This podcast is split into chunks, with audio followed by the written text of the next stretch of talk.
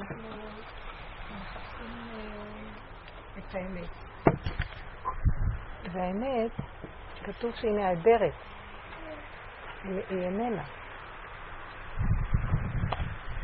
אז איפה נמצא אותה? כתוב שאמת מארץ תצמח. אז יש לה שני דברים. היא נמצאת למטה, והתהליך של הגילוי שלה זה צמיחה. זה תהליך צמיחה.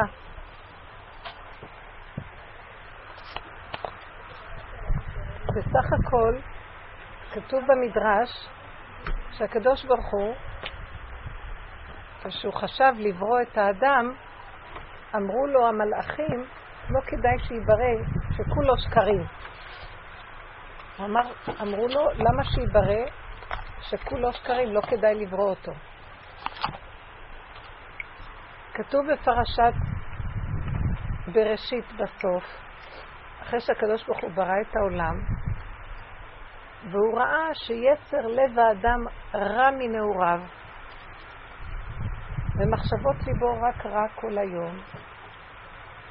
וחז"ל עוד הוסיפו ואמרו, בטרם ננער מבטן אמו, לפתח חטאת רובץ. עוד לא נולד, כבר הוא מתחיל לחשוב מחשבות רעות. והתעצב השם אל ליבו שהוא ברא בריאה כזאת. למעשה, הקדוש ברוך הוא לא ברא בריאה כזאת. אני הבאתי את כל הפסוקים כפתיח. השם ברא בריאה מושלמת. הבריאה של השם היא אמת. מה פירוש הדבר? כל חוקות הטבע הם חוקים טובים. השמיים, הארץ, העצים, הציפורים, כל מה שנברא ביום ראשון נברא האור, האור האמיתי, הגדול, הראשוני, לא האור של השמש והירח, זה אור הטבע. ביום השני נברא רקיע שמכסה את האור הזה. ביום השלישי נברא, נבראו כל מה שעל האדמה, הצמחים והעצים. ביום השני נברא השמיים, ביום השלישי שמים את הדגש על האדמה, מה קורה באדמה. ביום הרביעי נבראו המאורות, שזה הירח והכוכבים, והם נותנים לנו את הזמן ואת המועדים ואת האור של הטבע. כי באמת, לא השמש זה האור האמיתי. גם לא הירח בלילה והכוכבים. זה רק כאילו. ביום הראשון היה אור מאוד מאוד גדול, אור הגנוז, שהאור הזה הוא הכל פתוח ואפשר לראות מההתחלה עד הסוף, אפשר לראות את הכל בלי שום חסימה של זמן ומקום. ביום החמישי נבראו העופות והשקצים והרמסים, ביום השישי הבהמות, ובסוף היום נברא האדם. ואדם נברא בסוף כי הוא כולל את הכל בתוכו. אז הוא כאילו הנקודה הסופית כמו הלוח בקרה שיש בה את כל הבריאה. והשם ברא בריאה מעולה. אז איך הגענו למקום שבאלף הראשון היה רעה רבת האדם, גם באלף השני רעה רבת האדם. בני אדם עשו הרבה רעות על הארץ, עד שזה הגיע לפרשת נוח, שהשם אמר, אמחה את כל היקום. כל זה נובע, אם נחזור להתחלה, מהמצב הזה שהאדם הראשון התפתה להצעה של הנחש ואכל מעץ הדת. לפני עץ הדת, הבריאה הייתה איך שהיא מושלמת. מה פירוש הדבר מושלם? ומה פירוש הדבר בריאה מושלמת? גם האדם היה מושלם. מה פירוש הדבר שהוא אכל מעץ הדת, התפרק השלמות של הבריאה? כשהוא אכל מעץ הדת, עץ הדת זה היה כמו תיבת פנדורה, סגורה, מלא נחשים ועקרבים, מלא דמיון, בואו נקרא לזה עץ הדמיון. והוא מחולק לשניים, טוב ורע. תגידו לי, דמיון טוב הוא טוב? יפה. יפה. דמיון הוא דמיון. דמיון, אפשר, אפשר להגיד משהו אחר, תכף, תכף נגיע, שאפשר להגיד שאפשר להשתמש בדמיון הטוב כמטרה למהלך היותר גבוה, נכון? כאמצעי, אבל מצד עצמו הוא נשאר פה מדמיון. אז אין לי עניין פה. עץ הדעת טוב ורע, הקדוש ברוך אמר להם, לא תאכלו ממנו. נפתח המהלך הזה, נכנסו בו, אכלו ממנו, נשתנתה הפסיכולוגיה של הבן אדם. אם קודם, מה הוא היה קודם בעצם? הוא היה צינור ריק. אתם רואים את העץ? העץ צינור. אין לו מהות, אין לו ישות עצמית. אתם רואים השמיים, אתם רואים את הבהמות, הם גלמים מעניינים של צורות מצורות שונות. מדרגות הארבע יסודות, דומם, צומח, חי, מדבר. כל מיני צורות שיש בהן סודות עמוקים של הבריאה, הראשיתית. בא האדם, ברגע שהוא אכל מעץ הדת, השתנה משהו במרקם הבריאה. נכנס דמיון לבריאה.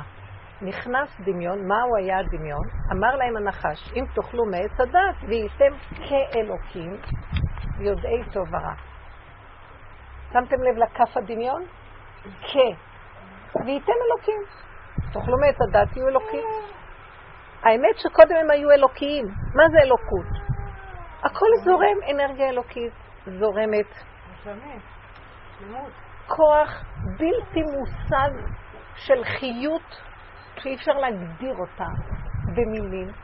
חוויה פנימית של חיות.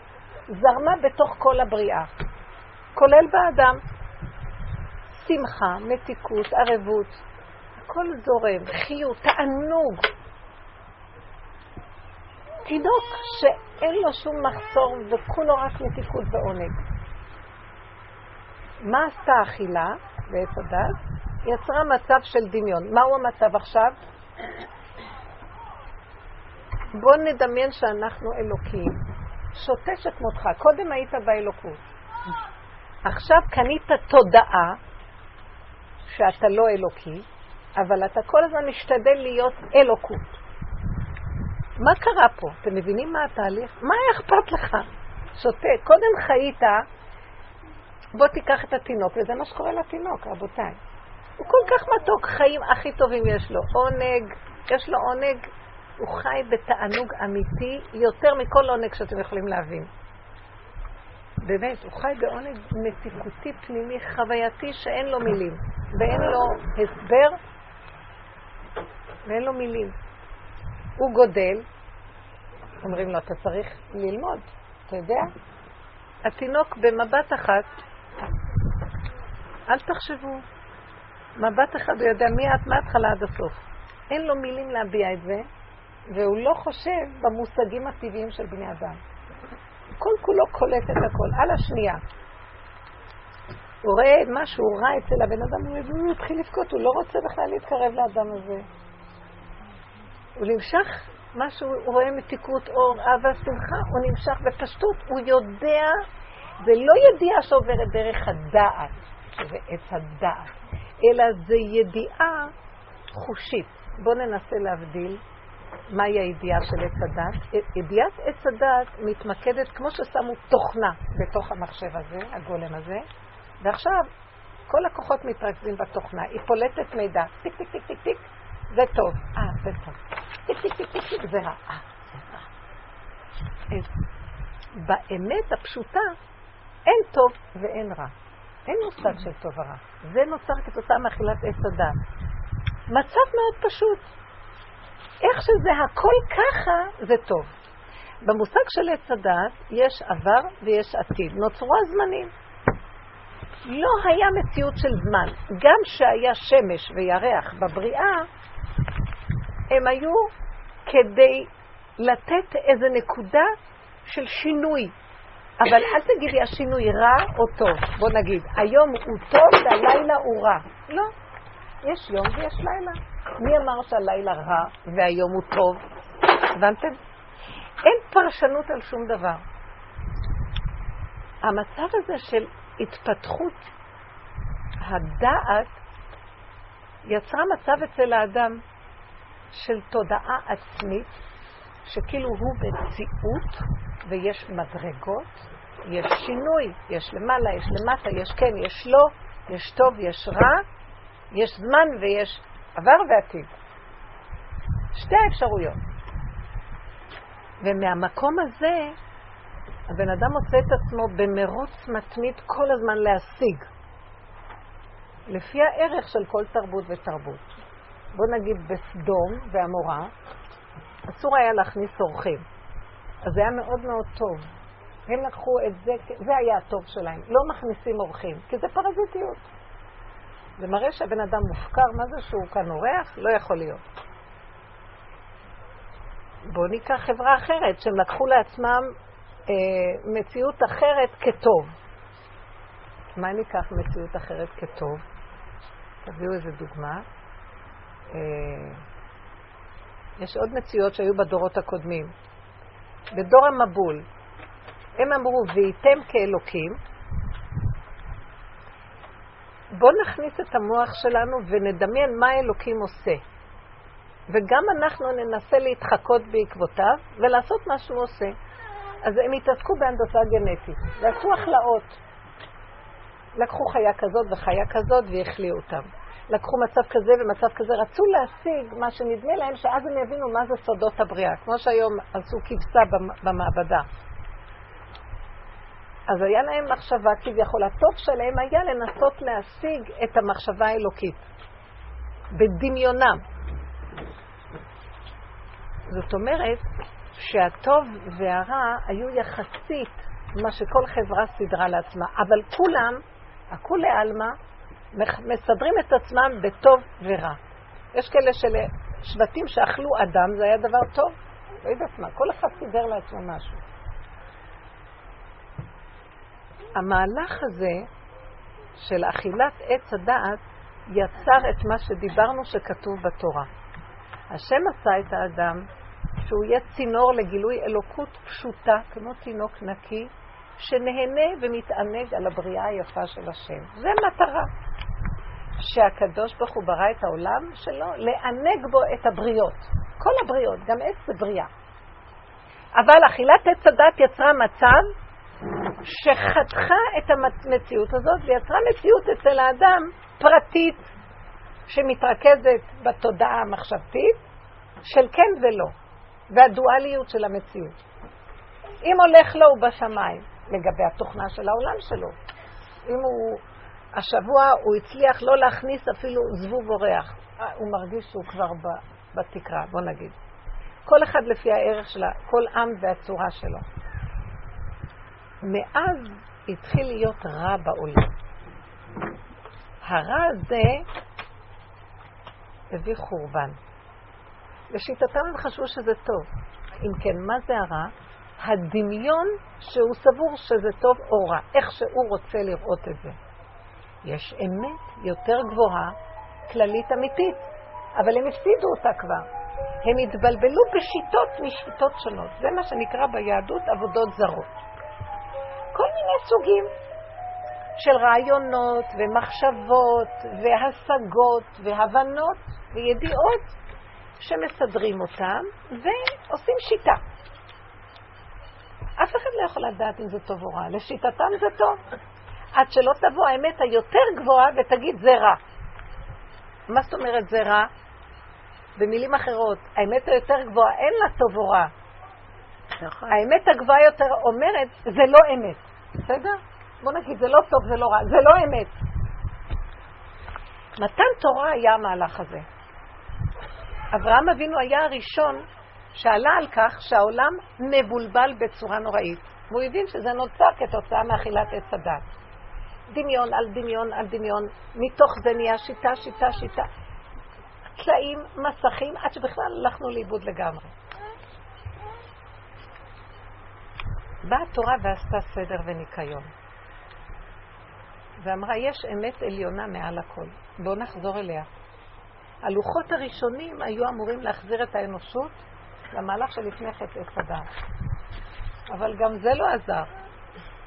עשו את העגל, התבלבלו, עוד פעם, ברגע שראו את האורות האלוקיים וקיבלו את התהודה של האמת, היה להם חוויה אמיתית שאין לה מילים. ראו את הקולות. אפשר להבין מה זה ראו את הקולות? אי אפשר להבין. הם הגיעו למהלך כמו תינוק, תינוק רואה את הקולות. לא לפי התוכנה של עץ הדת, כאילו שלפו להם לרגע את התוכנה ונשאר האמת. שלפו את התוכנה, נהיה האמת.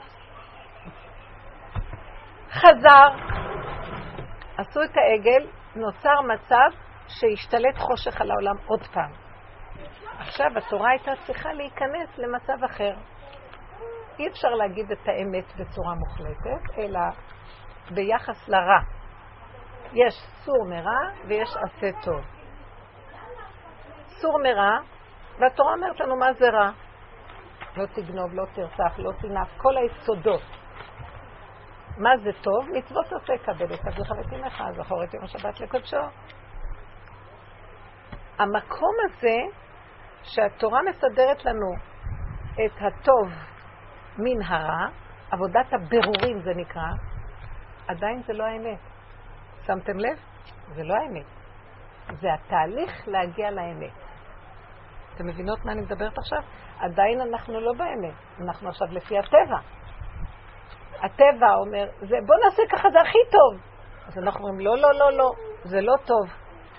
נעשה ככה. עדיין בשיטה שלנו אנחנו עובדים בשישה סדרים, סדרי משנה.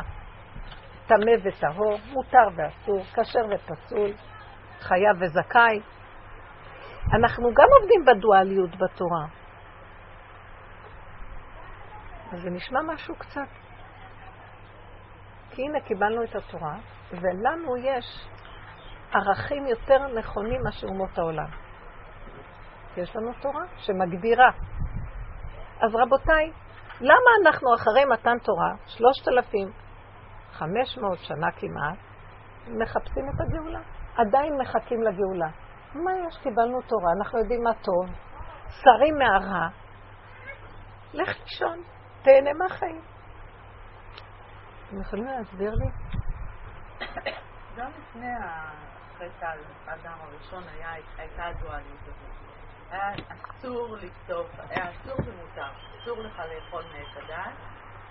זה הפעם הראשונה, זה הפעם הראשונה שהשם הביא לו את המעלה. לא היה אבל הייתה איזושהי חלוקה. עכשיו... הוא יכול לאכול או לא לאכול. נכון, אבל הייתה בחירה בין טוב לרע. בין אסור למותר. אם היה עץ דעת, אז הוא כבר נתן בחירה. ולמרות זאת, גם בתורה, גם בתורה שכאילו כתוב לנו שמותר, זה מותר וזה אסור, אבל הדרך היא אחת. כאילו פה אין לנו את הבחירה, פה יש לנו את ההחלטה. טוב, בואי לא נתבלבל. אני עכשיו מוליכה אתכם צעד צעד. בואו, את מקדימה את המאוחר. אנחנו כרגע מדברים על המצב הזה שהעולם הוא דואלי, ויש לנו תוכנית ברורה מה לעשות בדואליות הזאת. מה כן ברור ומה לא ברור, כי אחרת כל אחד יסדר לו מה שהוא רק רוצה. זה מה שניסיתי לומר. אז התורה עוזרת לנו. אז אם עכשיו יש לנו מהלך ברור מה טוב ומה רע, זו חברה מתוקנת, נכון? הבן אדם מתוקן, נכון? למה הוא מחכה לגאולה הבאה? מה הוא מחכה? קחי את התורה, תשתמשי בה ושלום. למה עזבו את התורה? למה עכשיו אנשים באים בחזרה וחוזרים בתשובה? מה הם מחפשים? הלוא הם קודם היו בתורה, ההורים שלהם היו בתורה. למה הם חוזרים? מה הם רוצים? יפה. עכשיו, התורה בעצמה יש בה את האמת, אבל האמת שבה התלבשה בתוך המהלך, כאילו אין לך ברירה. ראית איזה משוגע יושב מתחת לשולחן, את רוצה להעביר לו איזה מסר, את לא יכולה להגיד לו את המסר שלך מגבוה. הוא אומר לך, אני נפוליאון. ואת רוצה להעביר לו איזה מסר, אז צריכה לדעת שאם את לא תשתחווי לו ותראי לו שהוא נפוליאון, ותדברי בשפה שלו, הוא לא יקשיב מה שאת רוצה להגיד, אז את לשעתו חייבת לשחק במשחק שלו. התורה משחקת את משחק העולם. ביסודה יש יסוד האמת. מהו היסוד האמת שמושכן בתוך התורה? מה היו הדיברות הראשונות? אנוכי השם אלוקיך. אם אני מציאות של השם אלוקים בעולם, אני רוצה לשאול שאלה. אם אני השם אלוקים בעולם, יכול להיות אחר כך שהוא יגיד לי מה כן ומה לא? אני רוצה שתענו לי. כי אם אני רואה שיש השם בעולם, מה צריכה כן ומה צריכה לא? אין עוד מלבדו. למה צריכה את הכן והלא? לתוכנית של העולם שהיא כבר התקלקלה ויש כן ויש לא ואני צריכה לתקשר ולסדר ולחיות אז אני חייבת אבל אם אני חיה מול בורא עולם והוא אין עוד מלבדו הוא צריך את הכן ואת הלא שלי? כשניתנו הלוחות הראשונים אנוכי השם אלוקיך ולא יהיה לך אלוהים אחרים על פניי גם להגיד לי לא יהיה לך אלוהים אחרים על פניי לא צריך אפילו אבל בשכל של עץ הדת כן צריך בואו ניקח את הדיברה הראשונה של הלוחות הראשונים לפני השבירה, אנוכי, אותם דיברות היו. אנוכי השם אלוקיך ולא יהיה לך אלוהים אחרים על פניי. אז מה, בואו אני אגיד לכם איך אני שומעת את זה אחרי השבירה ואיך אני שומעת את זה לפני השבירה.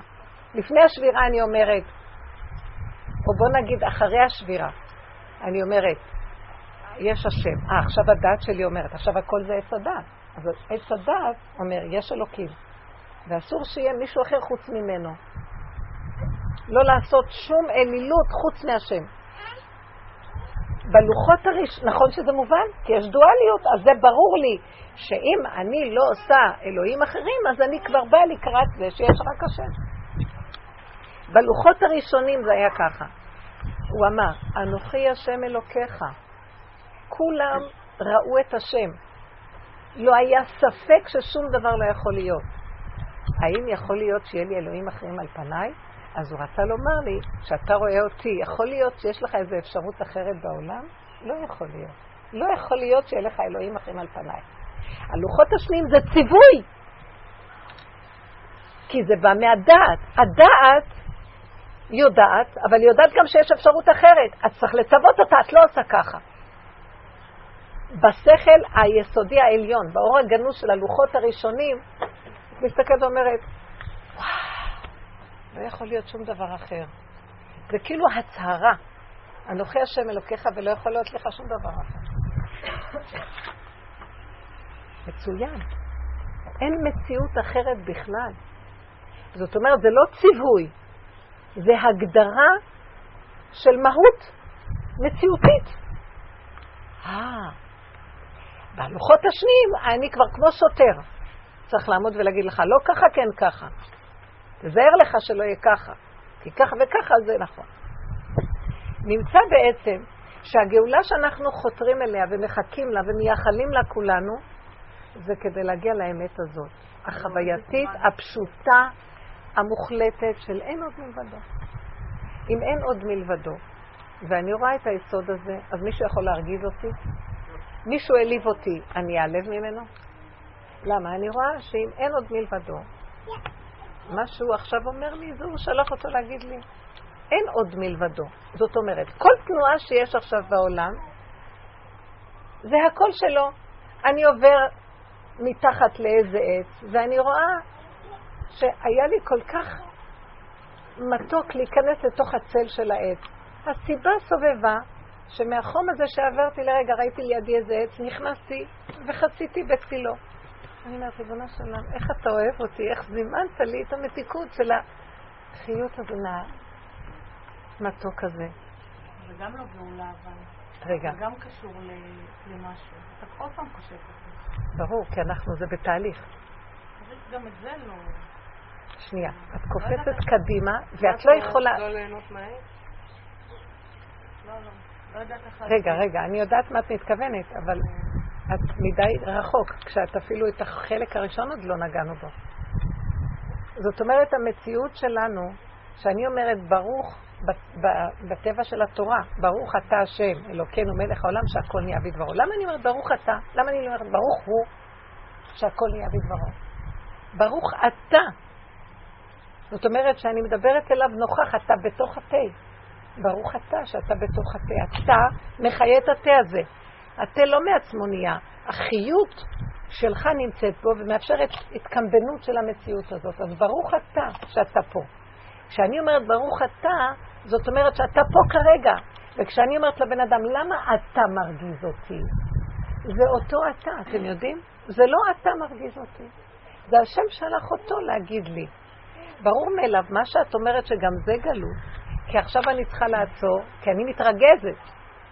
ואני עכשיו אומרת, ברוך אתה, אף אחד לא מרגיז אותי, איזה טעים אתה, אבל אתה מרגיז אותי.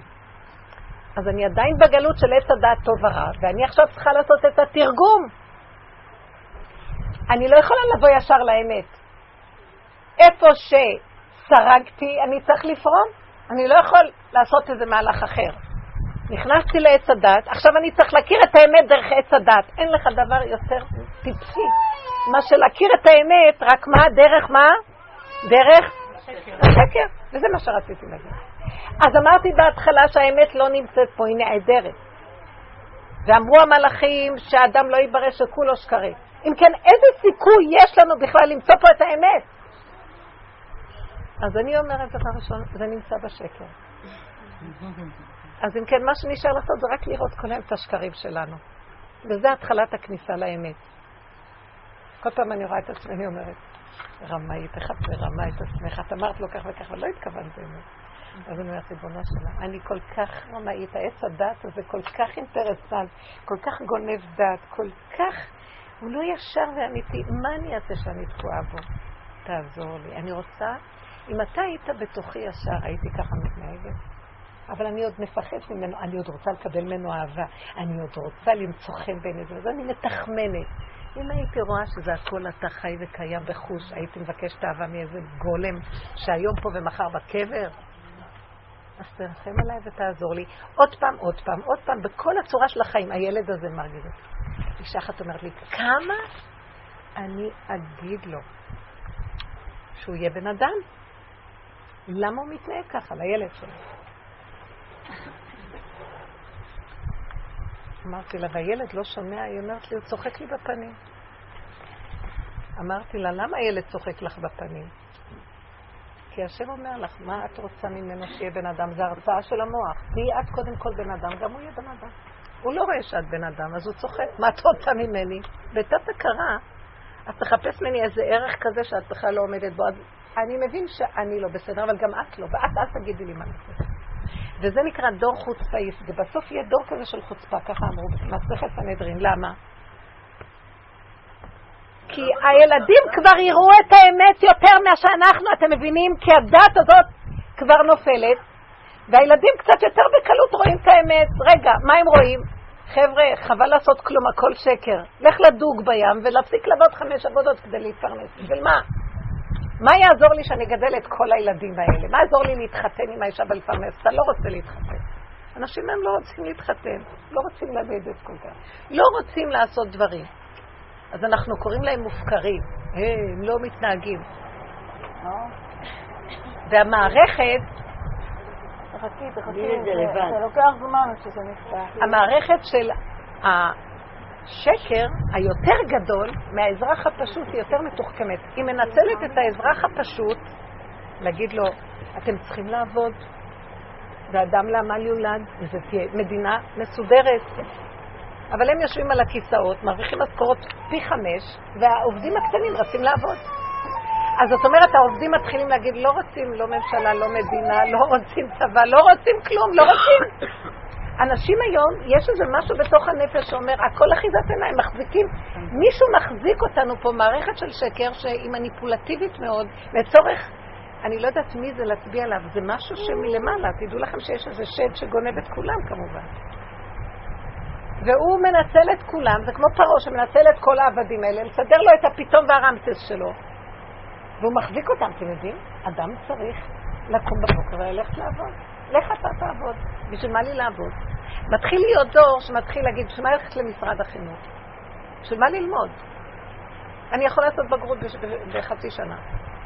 אני יכול לתמצת את כל הסערה הנוראית הזאת של הגיהנום של החיים של ילד מתחיל מגיל, מגיל שלוש הוא הולך עד שבע עשרה, כל מיטב ההתפתחות שלו היא בדיכאון. בתוך בתי ספר שזה דיכאון לראות את המבנים שלהם, ואיך שנראה הכל. אבל זה, זה מערך כזה. למה הוא לא יכול לשבת וללמוד בגינה יפה וללמוד כל מה שהוא לומד לבד? יש כאלה שבאמת אה, בבית. נכון, יותר, אני, אני רואה, אני לומדת את היסודות שכבר העולם מתחיל לראות. אבל יש עוד את המערכת ששולטת. זאת אומרת, אם הבן אדם מתחיל לראות שהכל פה שקר, אבל הוא לא סתם ימרוד. הוא צריך לקום ולחפש מתוך השקר של מציאותו מה כן לעשות. השקר ינחה אותנו בחיפוש האמת. זה חידוש.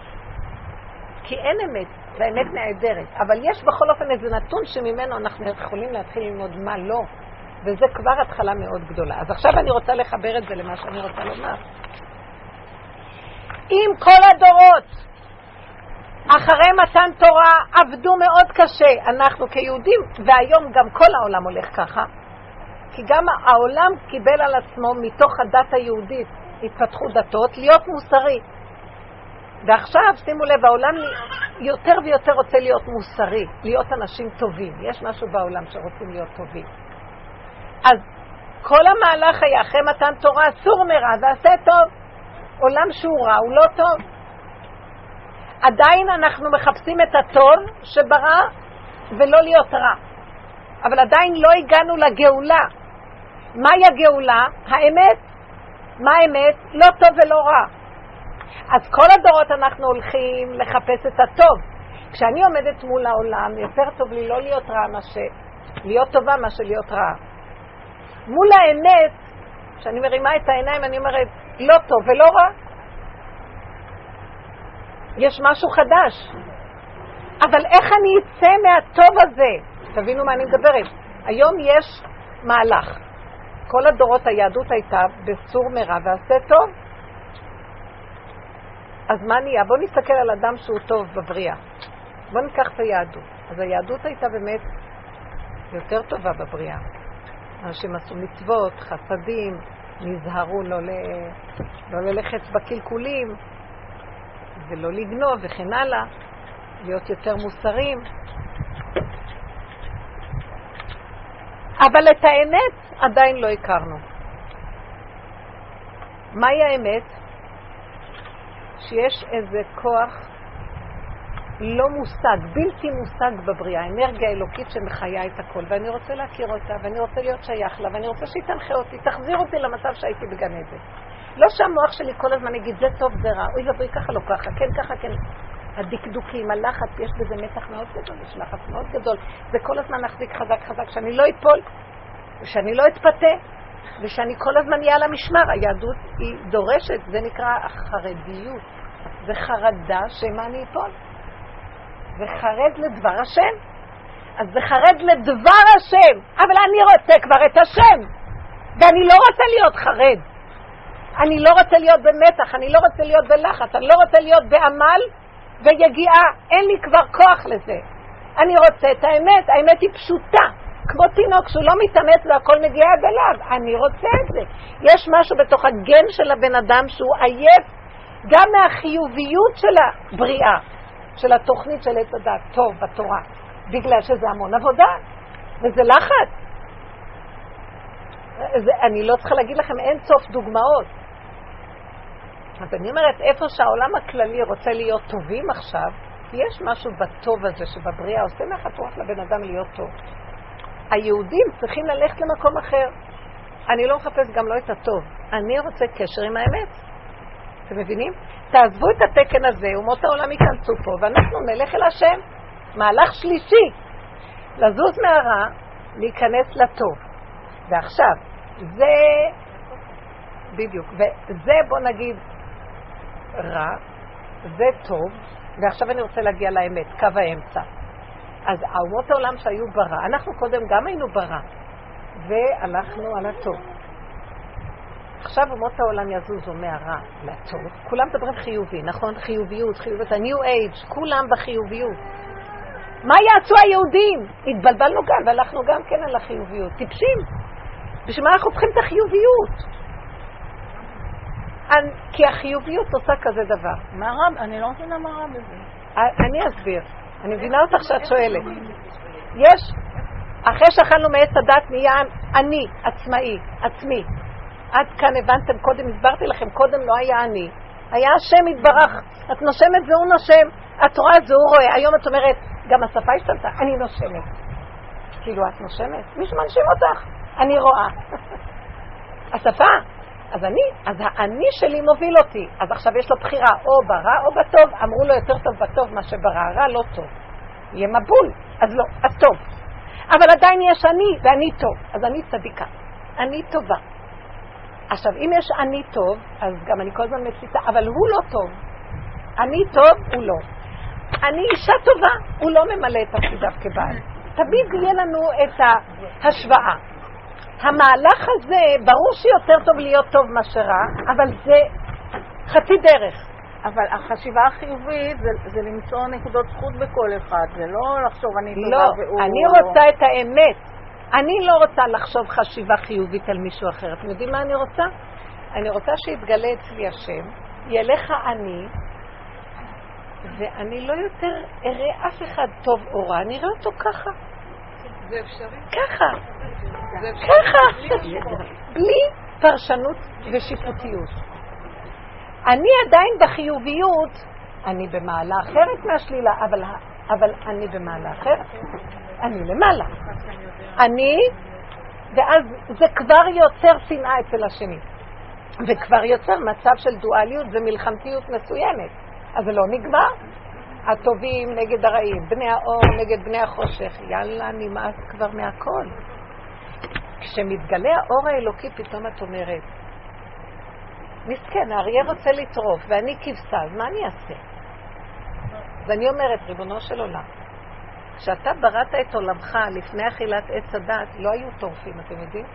אריה לא טרף, כולם אכלו עשבים. אף אחד לא טרף. אחרי הקלקול של עץ הדת, התחילו לטרוף. אז ריבונו שלם, נמאס לי. אני תמיד אהיה כבשה והוא תמיד יהיה אריה, אבל...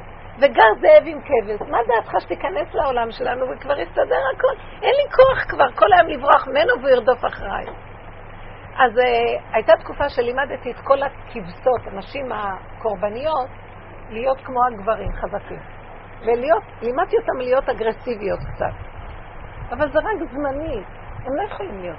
כבשה לא תהיה אף פעם אגרסיבית, אף פעם היא לא תהיה זאב. אז רק לשעתו.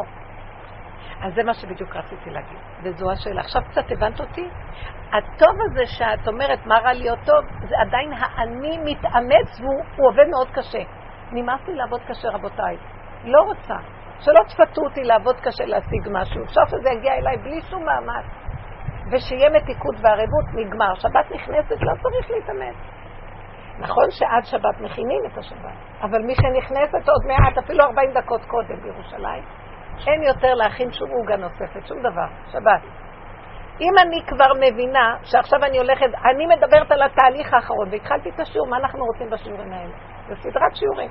מה אנחנו רוצים? לגלות האמת, אבל האמת נהדרת, ואני כולי שקר, אז בואו נחפש דרך השקר.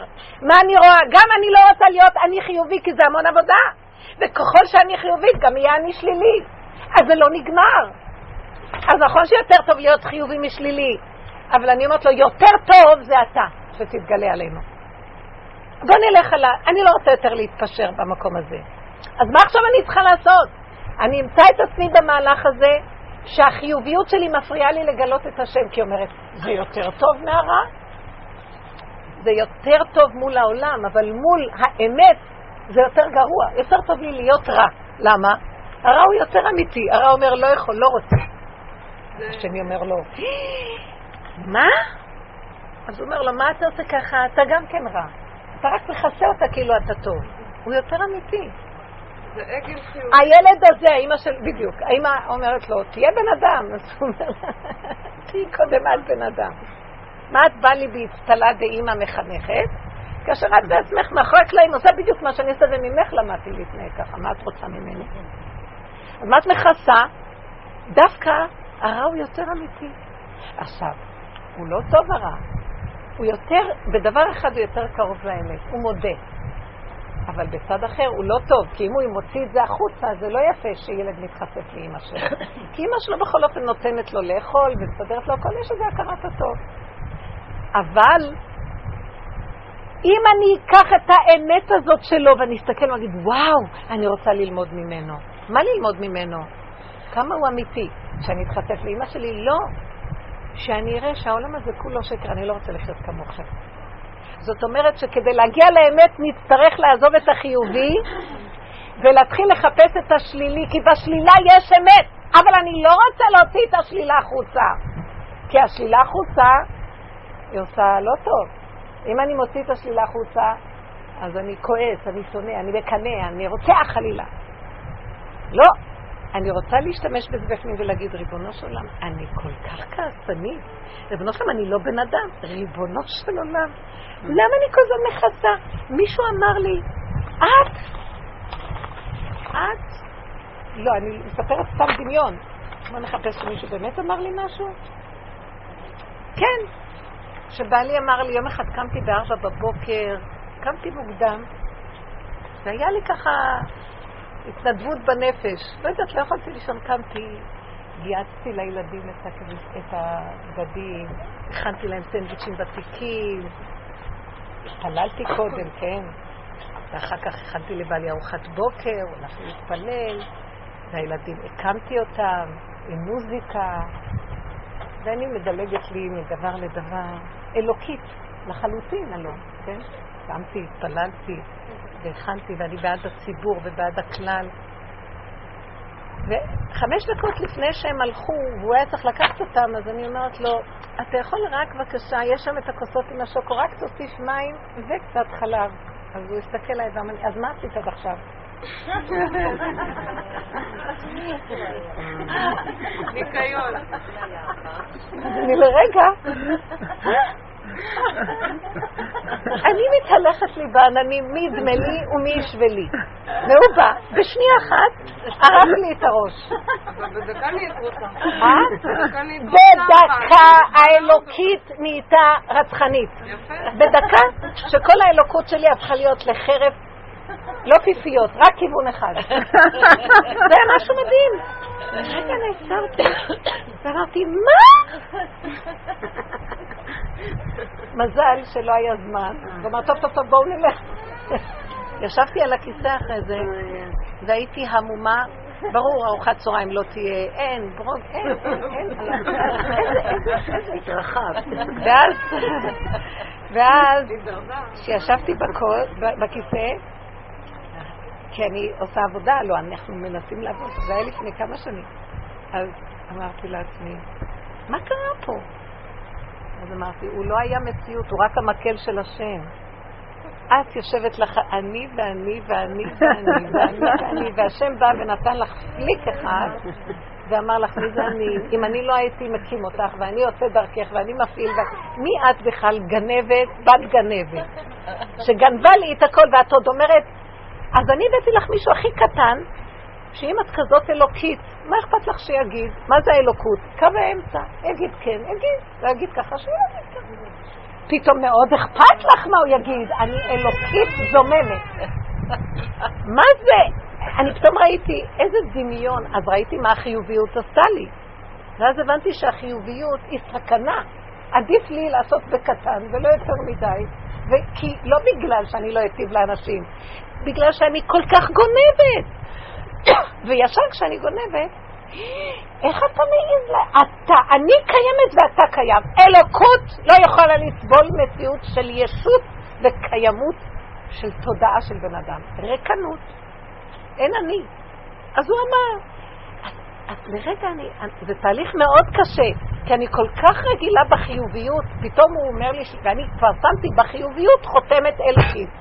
ושכחתי שהחיוביות כמו השליליות. זה טבע. זה עץ הדת. בשביל האנושות יותר טוב להיות חיובי משלילי. בשביל האלוקות זה נבלה וזה טרפה, כי אף אחד לא מכיר אותו שם. כל אחד הולך עם האני שלו. זה הולך עם האני של הייאוש שהוא נפל בבור וגנב בבית סוהר, וזה הולך עם הגאווה, מי, מי יכול לעמוד לידי בכלל? השם לא יכול להיכנס לא בזה ולא בזה. אם כן... רגע, אפשר? בטח. אה, אם הם היו בכזו אלוקות לפני שאכלו את עץ הדעת, אז זה סותר את כל מה שאת אומרת עכשיו, אז הם בכלל לא היו צריכים לאכול את עץ הדעת. אז למה הם בכלל נכנסו לסיפור הזה? ושאלה שנייה. אה, אם... שאלה כזאת גדולה. שאחרי השאלה הזאת אה, היא עוד רוצה שאלה שנייה.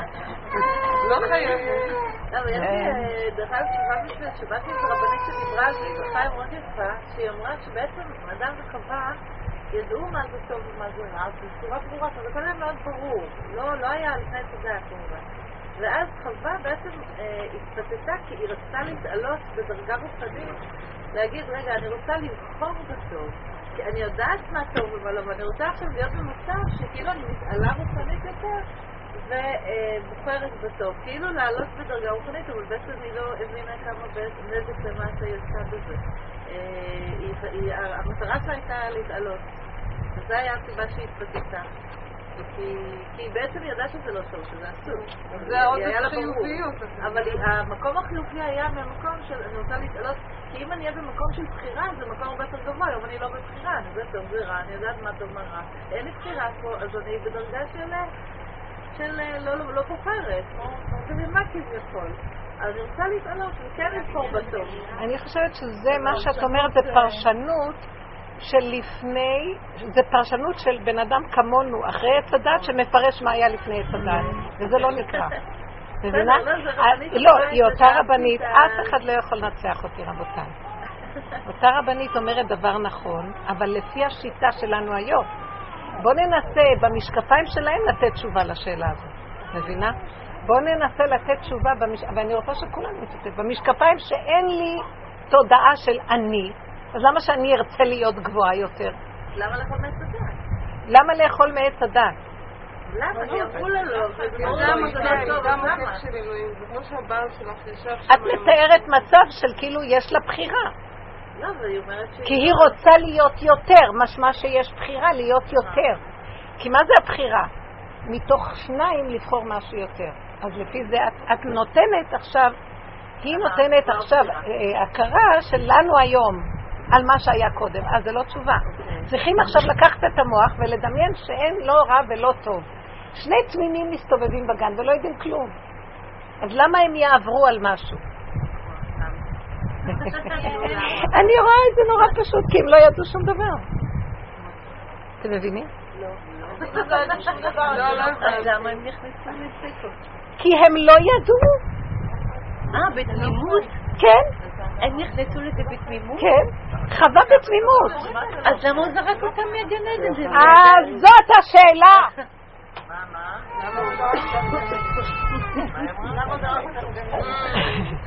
בוא נסתכל עוד פעם. למה הנחש? שום דבר. הנחש היה אמצעי לפתות אותם ליפול. כן? והם בקלות נפלו. אבל אלוהים רוצה שנכון. גם הנחש היה בתוך מקום, למה פתאום הוא היה לפיתוי? נכון. זאת הייתה השאלה השנייה. כי מה? בדיוק, זה מילים של אחרי עץ הדת. בוא ניקח מילים לפני עץ הדת, אין עץ הדת, אין מילים. הכי מינימום, היא צודקת, הכי מינימום, בלי לפתח את המוח. אני אמרתי דבר הכי מינימלי, אלה לא ידעו, לא הייתה להם דעת, הייתה להם דעת אחרת. דעת, אתם יודעים איזה דעת הייתה להם? בואו ננסה, אני מנסה, תראו, הרבה עברתי והתבוננתי על מנת שאני אוכל להגיד לכם דברים.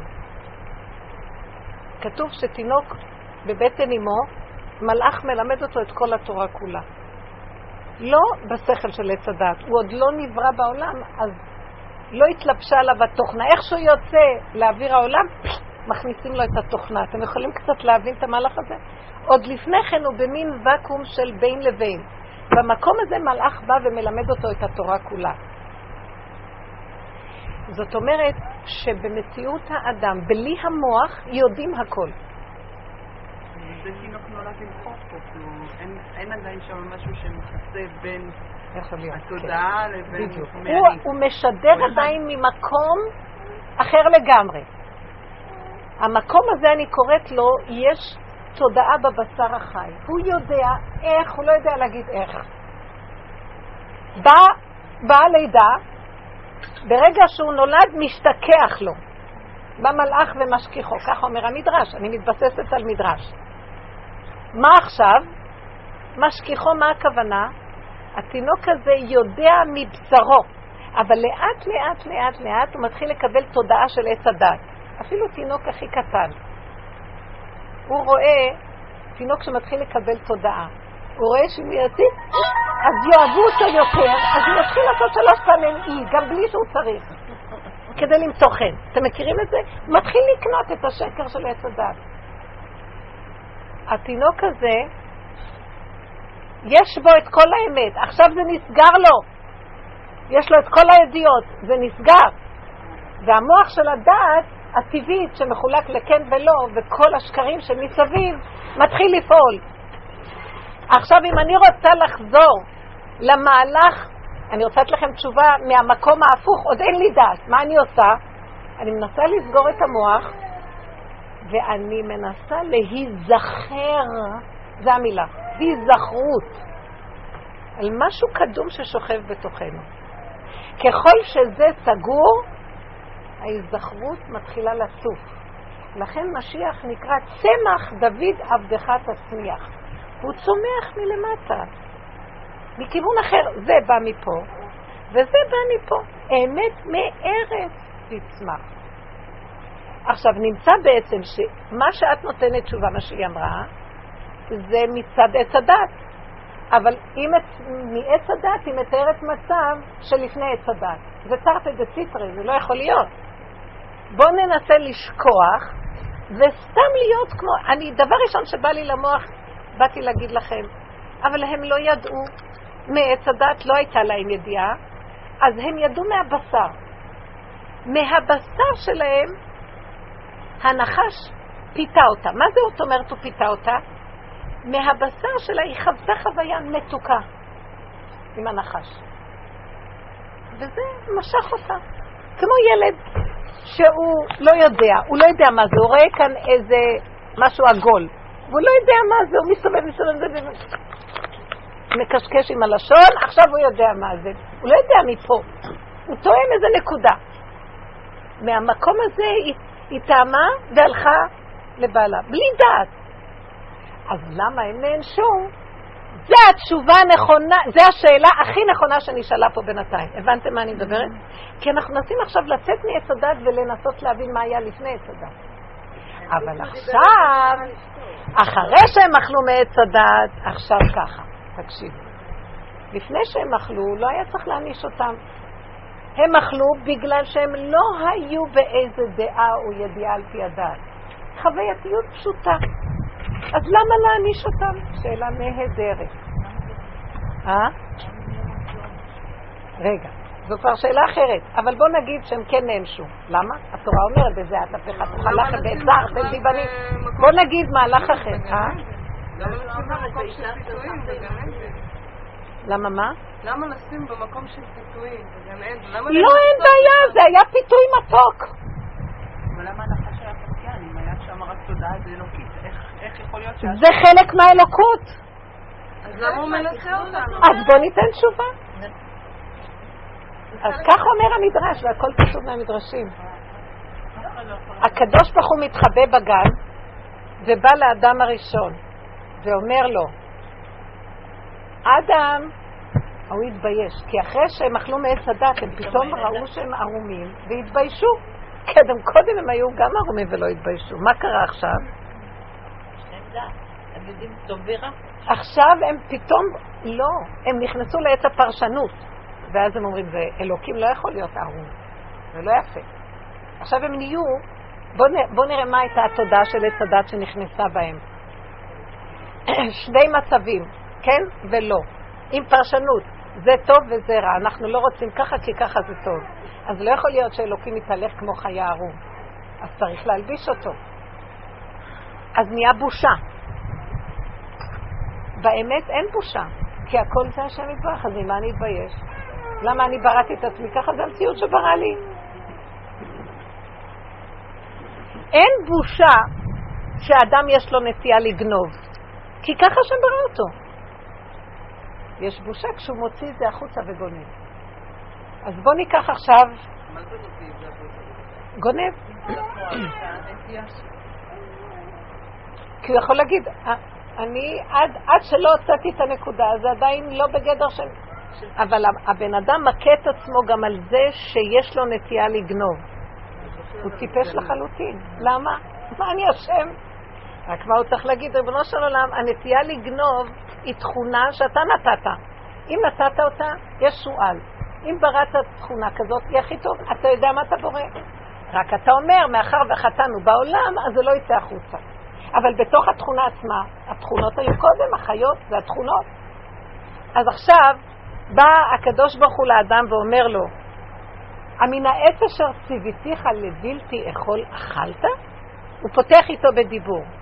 אז מה האדם הראשון עושה? אחרי שהוא אכל מעץ הדת, הוא מאוד מתבייש. הוא בורח מהשם. שימו לב, הפסיכולוגיה שנהייתה לו מעץ הדת. כי עכשיו הוא אלוקות, אז זה לא נעים. כל הזמן הוא מתהלך עם לא נעים. תחפשו את עצמכם במה שאני מדברת, רבותיי. כל הזמן לא נעים לנו, כל היום אנחנו מתנצלים.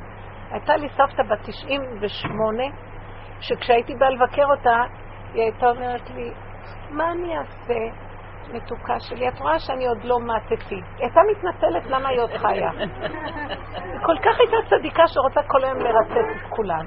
אז היא הייתה מתנצלת למה היא עוד חיה. עד כדי כך, הבנתם?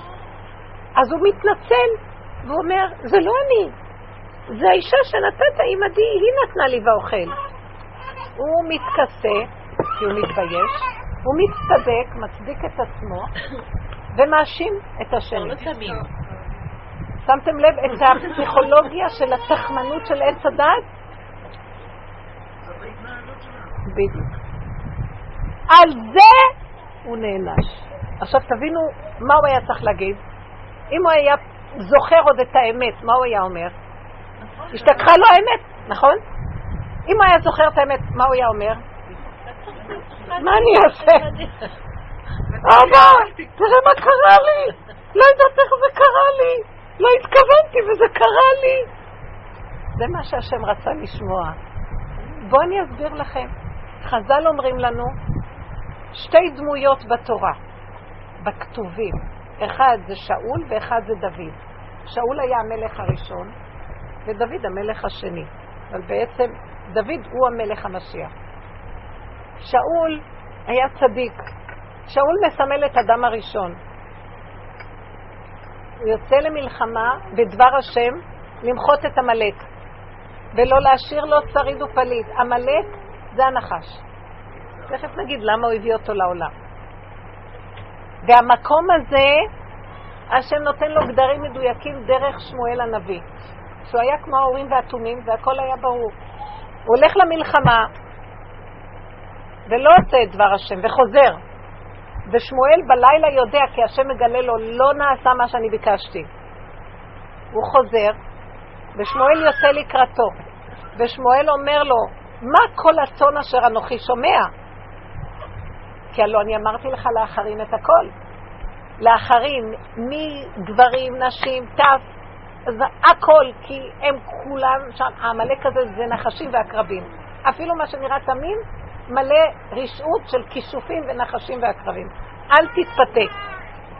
אז הוא אומר, הבאתי לזבוח להשם. החרמנו הרוב, אבל הבאתי את השאר, כי זה כל כך, הם כל כך כבשים שמנים, עתודים ואלי נוויות, כל כך יפים. זה לא חבל? אז הוא אומר לו, החפץ להשם בעולות ובקורבנות, כי לי כל חי איתו יער, בהמות בהררי א'. השם אומר, יש לי הכל, אני לא צריך. כי הנה טוב שמוע מזבח טוב, הקשב מחלב אלים. אם היית שומע את דבר השם, זה יותר טוב מאשר לחשוב את המחשבה הפרטית שלך. אז שמואל, שאול ממשיך להצטדק, כי הפעם הראשונה הוא מצטדק, מה שעשה האדם הראשון. לא, אני בעצם התכוונתי, זה טוב לזבוח כאלה כבשים שמנים.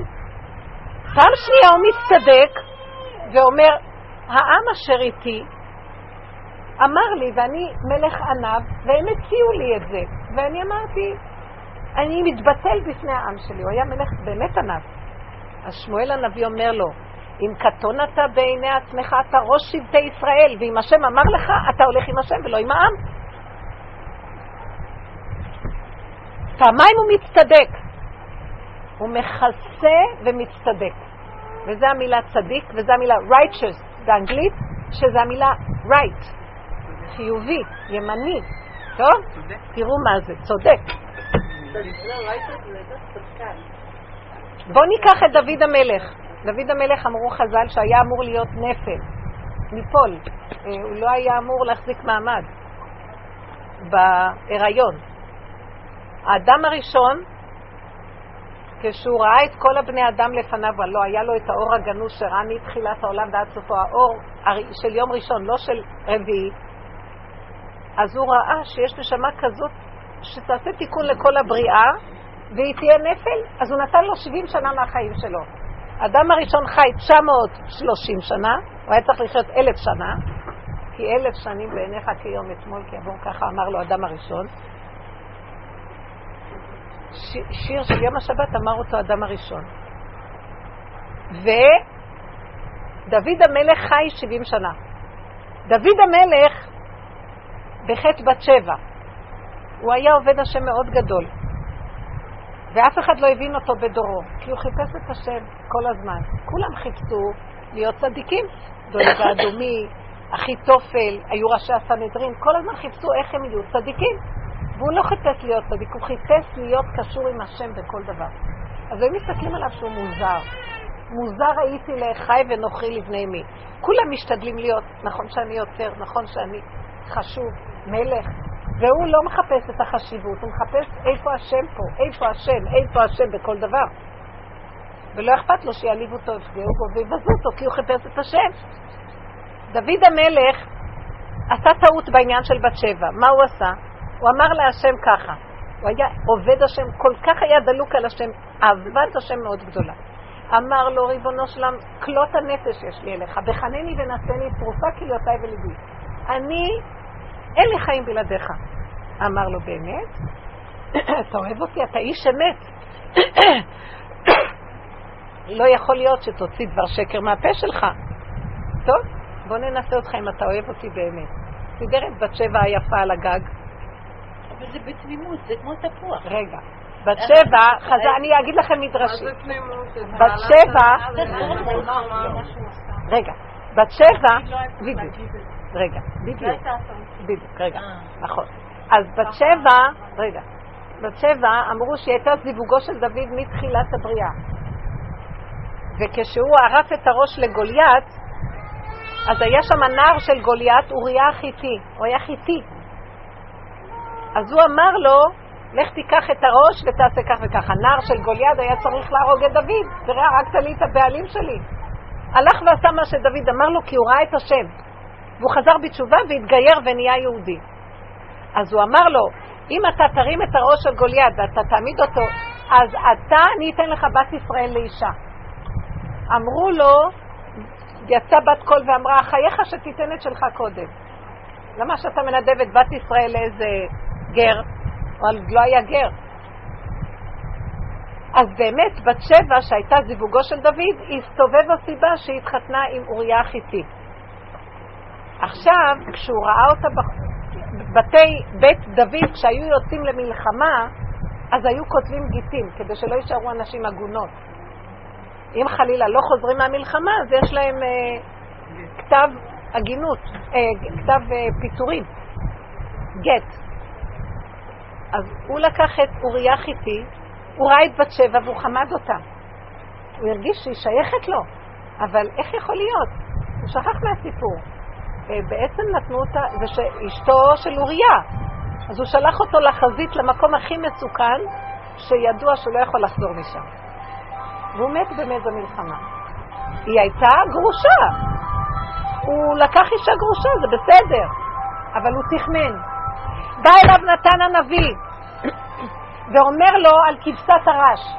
הוא אמר לו משל מאוד יפה, עטוף, כי הוא מלך, אי אפשר לבוא להגיד לו תוכחה. אז הוא מביא לו את זה בצורה יפה. פעם היה איזה אדם רש והיה לו רק כבשה אחת, ולקחו לו את הכבשה, והוא מספר סיפור שלם. אז הוא צועק, דוד המלך, בן מוות האיש. אז הוא אומר לו, אבל זה אתה. לרגע הוא נדהם, כי הוא לא הבין מה הוא עושה פה. הוא נעצר, ואחרי התבוננות בתוך מציאותו, הוא אמר, חטאתי להשם, כי פשעי אני אדע וחטאתי נגדי תמיד. אני, שאני אוהב את השם, אהבתי את בת שבע יותר. אהב, באותו רגע האהבה של הטבע סובבה שאני, מי שאוהב את השם הולך ישר, זה ישרות לעשות כזה דבר? תכמון, תכמון זה חשבונות רבים, נחש. ואתה כל הזמן מחפש את השם, שזה הישר, קו האמצע הוא קו הישר. ימין זה העיגול ושמאל זה העיגול, אבל קו האמצע ישר. אז איך קרה לך כדבר הזה? מאז הוא אמר, אני חטאתי נגדי תמיד. אני תקוע ואני לא יכול, כי אכלתי כבר מעץ הדת ואני כבר לא יכול. דוד המלך אמר מה שהאדם הראשון היה צריך להגיד. מודה ועוזב ירוחם. בעצם אין קושייה על מה שקרה קודם, יש קושייה למה האדם הראשון לא אומר מה שדוד המלך אמר. ככלות הכל גם דוד המלך אכל מעץ הדת, אז הוא יכול היה להודות באמת. מה הוא אומר? אני משקר. הוא הודה בשקר שזה האמת כרגע. הוא הודה מה שהוא עשה. ואילו שאול מכסה. מודה ועוזב ירוחם, הוא מכסה פשעיו, לא יצליח. במשלי כתוב. אז תראו... אנחנו מתאמנים על זה כל החיים שלנו, להיות מפגישים של מי שאנחנו. שברגע שהקשה הזאת תצא, להודות על האמת. להיות בקשר יותר גדול. אז בואו נראה עכשיו, נחזור לתחילת השיעור, וזה יגלגל לנו את כל המהלך שלנו. מה אנחנו בעצם עושים פה? מחפשים את האמת, אבל האמת נהדרת. ואנחנו רואים שבעצם אחרי שאכלנו מעץ הדת, כולו שקר. מה הכוונה כולו שקר?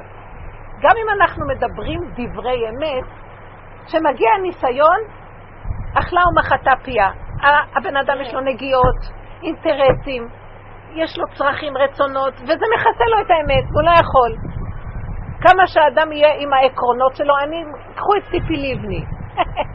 יש לה עקרונות, היא אישה עקרונית זאתי. איך היא השתחלה עכשיו לתוך המערכת הזאת? ראתה יותר טוב להיות בפנים מה שבחוץ. קודם כל מלחמה, תשאר בחוץ, לא רוצה... פעם שעברה היא הייתה אמורה להיכנס לקואליציה. לא, כי היא עמדה על העקרונות שלה. מה הוא התחנן לפניה, נתניהו? תיכנסי, נעשה אותך יד ימינית. לא. יש לך הנהגה כזאת, יש לך דעה כזאת, זה לא מתאים לי. נשארה באופוזיציה, באופוזיציה לבריאות. באופוזיציה לא נשאר לה כלום, גם בתוך, בתוך האופוזיציה גנבו, גם בזה, גם בזה. בסוף אמרה, יאללה, כל הזמן אני אשאר בחוץ, רגל אחת בפנים, לא חשוב. וכאילו יש לה עוד עקרונות. אני מסתכלת על הבני אדם, היא לא הייתה צריכה בכלל להיכנס לממשלה עלובה שכזאת. נכנסה. הצרכים והרצונות זה כאילו בלתי שאנחנו מונעים אה, על ידם כל הזמן. יפה, כי אכלנו מעץ הדת, ועכשיו, מה, עושה, מה הדת עושה? הדת כל הזמן משחקת אותה אלוקות כאשר אנחנו דפוקים דבילים. ילדים קטנים שקודם כל מה שטעים לנו ונוח לנו, וכאילו מכוסים באינטליגנציה חברתית, יקומית, קהילתית, מדעית, ומה לא. בא הדבר הכי קטן, אתה רואה את הבן אדם חוטף. זה היה באמת מאוד קשה לראות את המציאות הזאת. רגע אחד של בהלה, פתאום רואים מי הבני אדם. אז אנחנו, אין טענה עלינו, אנחנו מונעים, כמו שהיא אומרת, עם רצונות, עם דחפים מצריים, עם כל הדעות שלנו הן גם מקושטות מתוך זה, אבל כאילו, וייתם כאלוקים, כאילו לא. אז מה דורשים מאיתנו? תודו באמת. אני אינטרסנט. אבל אל תגידו את זה לשני, כי זה לא יפה. זה לא יפה לתת לשני סטירה ולהגיד לו, הרגזת אותי. לא, הוא משקף לנו, אז אתה לנו להגיד לא, תודה באמת שאתה כזה. זה עבודה פנימית. להגיד, עכשיו ככה, ריבונו, תסתכלו. לחפש את האמת זה רק בפנים, אין לחפש אותה בחוץ. כי היא נהדרת וחבל לכם לזמן. העולם הפוך על הפוך, אין דלת אמות אחד של אמת. כי ככה העולם בנוי. תודעה מפותחת של עץ הדת, מסועפת, לא רק עץ, זה נהיה כבר יער, טווח של עצים. לך תמצא איפה הנקודה פה בכלל, רק מתוך עצמך. כנס פנימה ותתחיל לחפש את האמת. תודה, וזה אפשר כן לעשות. ברגע שישבתי, אחרי שבעלי אמר לי ככה, אמרתי, איך הוא מתנהג? פתאום אמרתי, זה לא יכול להיות, זה השם רוצה להראות לי משהו. זה היה כל כך בוטה. מה לא עשיתי באותו בוקר? והכנתי לו ארוחת בוקר וקפה שהוא חזר מהתפילה, ולתת לו ולעשות לו, והוא רואה הכל. לא יכול להיות שהוא רעב ויגיד לי ככה, השם סגר לו את העיניים והשם עשה שהוא לא ראה. גם אם הוא ראה, בשנייה אחת השם עשה כאילו הוא לא רואה, בשנייה, בשבילי. איך אמר להם יונה? יונה הנביא, עם הסיפור שלו. כל הים שקט, האוניות נוסעות, ורק הפריפריה שלהם סערה. אומרים המלאכים, מה יכול להיות פה? כל, כל הספינות נוסעות יפה, ולמה אצלנו יש סערה? עומד יונה ואומר להם, הטילוני לים בשבילי הסערה הזאת. אם תטילו אותי לים, הכל יירגע. כי הוא ידע את האמת. בואו נסתכל לך. אני רואה, כשיש בבית סערה, זה לא עושה ככה וזה לא עושה ככה, ואני אומרת לו, מה אתה לא עושה ולמה אתה זה? אבא, תגיד להם משהו. אני רואה, נהיה יותר גרוע. בסוף בעלי אומר לי, את תעמדי בצד ואל תפריעי, כי את עושה את כל הבלגן פה. אני נזכרת ביונה. אבל קשה לי לשמוע מה שהוא אומר. אבל אם אני רוצה את האמת, אני אגיד לו, אתה צודק. יותר טוב שאני אצא מפה עכשיו ואתה תנהל את העניינים, כי כרגע אני לא כשירה. אני כל כך אינטרסנטית, אני כל כך אה, נגועה, משוחדת, שזה, אני לא יכולה עכשיו להוציא משפט צודק פה. יפה. הוא אוהב אותי פי חמש, כי אמרתי את האמת. גם אותו דבר. אני גם יכולה להגיד לו דבר כזה. אתה יודע מה, אנחנו כרגע, בקומבינה של שתינו ביחד בנקודה הזאת, איך שאנחנו נראים, חבל על הזמן. בוא, תלך לשתות קפה, אני נעשה סיבוב, ואחר כך נראה איך. אנחנו נרגעים, ואז אפשר לראות את הנקודה האחרת. אם בני אדם משתפים פעולה, אבל אם לא, תעשי רק את העבודה. תשתקי, ויגיד לך, כן, זה תמיד את אשמה. אין מה לדבר עם בן אדם כזה. כנסי פנימה ותגידי, נכון, ריבונו של עולם, קחו אחריות עצמית לחלוטין, אפילו שהאחריות היא מילה של עץ הדת, כי באמת, כשהשם מתגלה עם אחריות, הוא שיקח אחריות על עולמו. למה אני צריכה במקומו לנהל את עולמו? הוא נתן לי, דפק לי עשרה ילדים, אני צריכה לטפל בהם? שיגיד תודה שאני בכלל לא הרגתי אותם גם.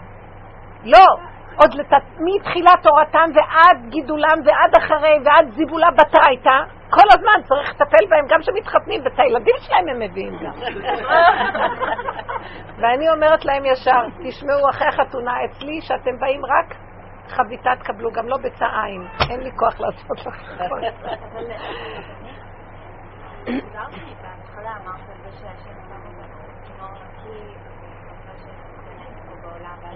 של שבת.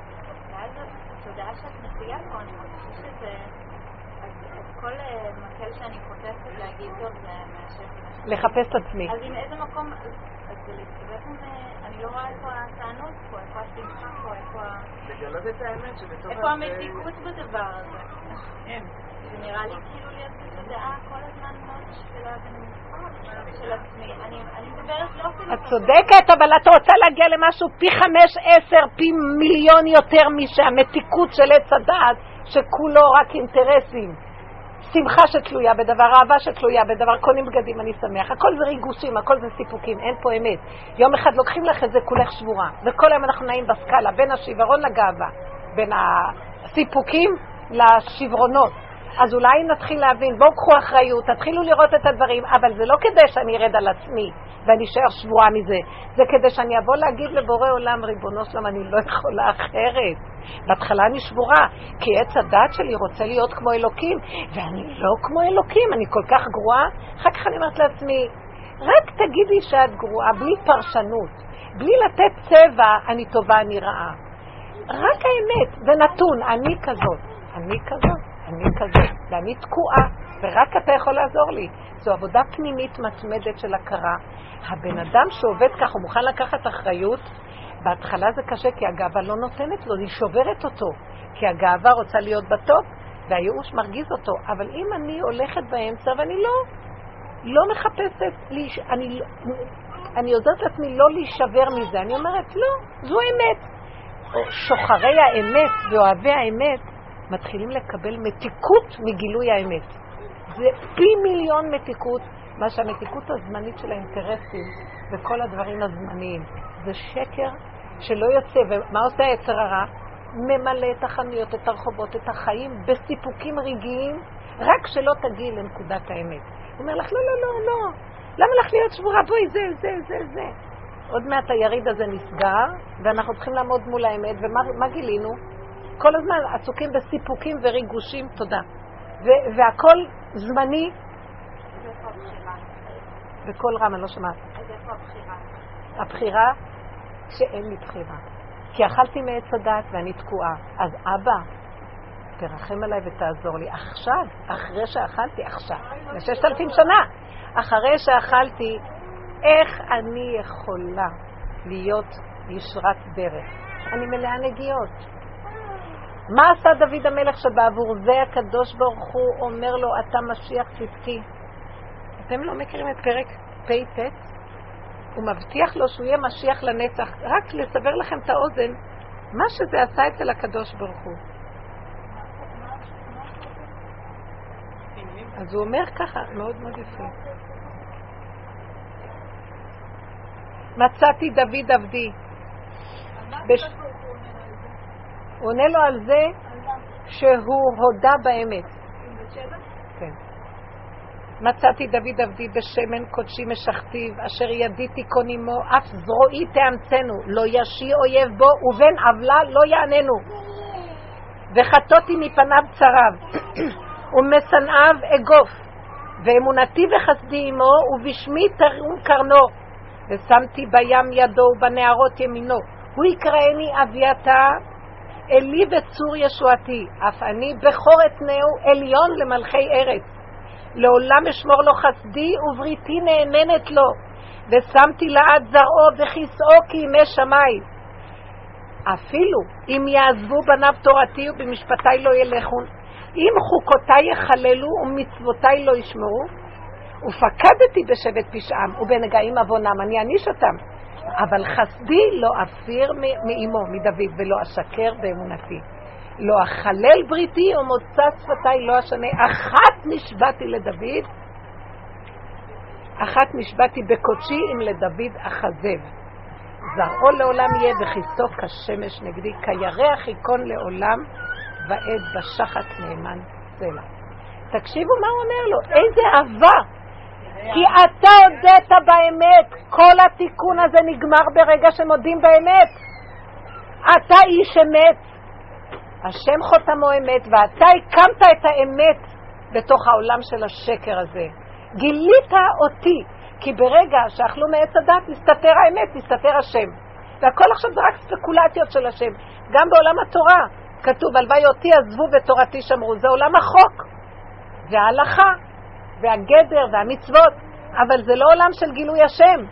גילוי השם דורש אמת, וכשהשם יתגלה, גם הצדיקים לא יוכלו לעמוד, לעמוד לפניו. אלא אם כן זה צדיקי אמת, שמודים באמת. כי צדיק בדרך טבעית רוצה כל הזמן להיות צדיק. ואילו עבודת האמת זה להודות באמת, זו מדרגה יותר גבוהה. זה בחירה. זו הבחירה. מאיפה היא נובעת? מכך שאין לי ברירה. שימו לב, אין לנו ברירה רק לבחור בהשם, כי אנחנו מדומיינים שיש לנו בחירה. למה אני מדומיינת שיש לי בחירה? כי ברגע שאדם אכל מעץ הדת הוא נשלט. הוא נולד תחת מזל כזה או כזה או כזה. המזל הזה משפיע עליו. את נכנסת לחנות לקנות שמלה, את חושבת שאת בוחרת שמלה, לדעתי השמלה בוחרת אותך. את חושבת שאת מאוד אוהבת את האוכל הזה. את סוג כזה שרק אוכל כזה בא אלייך. אתם לא מבינים שהבריאה, הבני אדם מדומיינים שיש להם בחירה. הרבה, הרבה אנשים אומרים, איך התחתנתי עם זה? לא יכול. איך זה יכול להיות? לי נראה שבחרתי. זה נדמה לך שאת בוחרת. המהלך הוא הכנעה פשוטה, אנחנו תקועים, ועוד איך תקועים? תקיעי תקיעות. ואין לנו לאן ללכת, רק להודות באמת. רגע אחד של הודעה באמת, פותחת לנו, זאת הבחירה. שמתם לב איפה הבחירה נמצאת? אז אדם הראשון לא הייתה לו בחירה, הוא היה צריך להגיד לא הייתה לי בחירה, ונפלתי. התפתיתי בחוויה, ולא יכולתי אחרת. השם רק לזה חיכה, היה פותר אותו. היה אומר לו, כמו דוד המלך, עכשיו, שאמרת את האמת, אני אוהב אותך. מה היה קורה אילו? לא היה אוכל לאדם עץ הדעת. כן, אז לא היה יצר רע. איזה אז עבודה הייתה פה לקדוש ברוך הוא? לא בדיוק. לא, יש בזה משהו. בסופו של אולי דבר, ככה הוא מתגלה. אז בסופו של דבר, מה שהיא אמרה, שהרבנית היא אמרה, תחיה, שבסופו של דבר יש משהו סמוי שגנוב אצלנו. אנחנו רוצים להגיע למצב של בחירה להיות אלוקיים. אבל אי אפשר לבחור להיות אלוקיים רק אחרי שאנחנו יודעים שאנחנו לא יכולים להיות אלוקיים. עצם ההודעה שלא יכולים, זה, זה הכרטיס כניסה ליכולים. בואו אני אגיד לכם סיפורון, סתם. פעם היה שער בירושלים, שמי שהיה עובר לידו היה מאוד רוצה להיכנס בתוכו. אבל הכלל בשער הזה, שמי שיכול להיכנס לתוכו זה רק מי שיגיד את האמת. אז עבר איזה בן אדם לידו, וחשב על משהו של אמת, וניסה להיכנס. אחר כך הוא אמר לעצמו, אבל זה לא האמת. חזר עוד פעם, וחשב עוד מחשבה של אמת.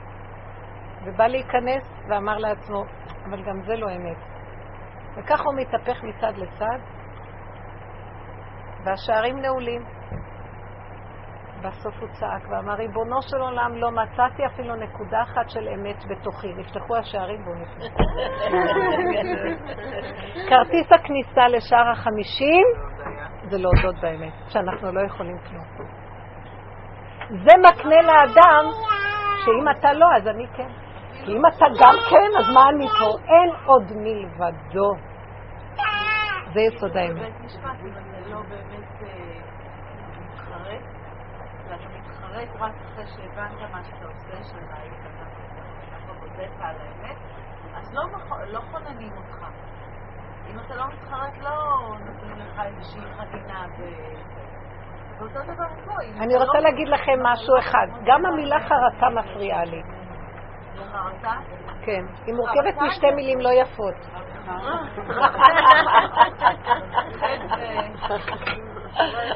המילה חרטה היא לא מתאימה לאמת. כי כשבן אדם מתחרט, הוא אומר, למה עשיתי ככה?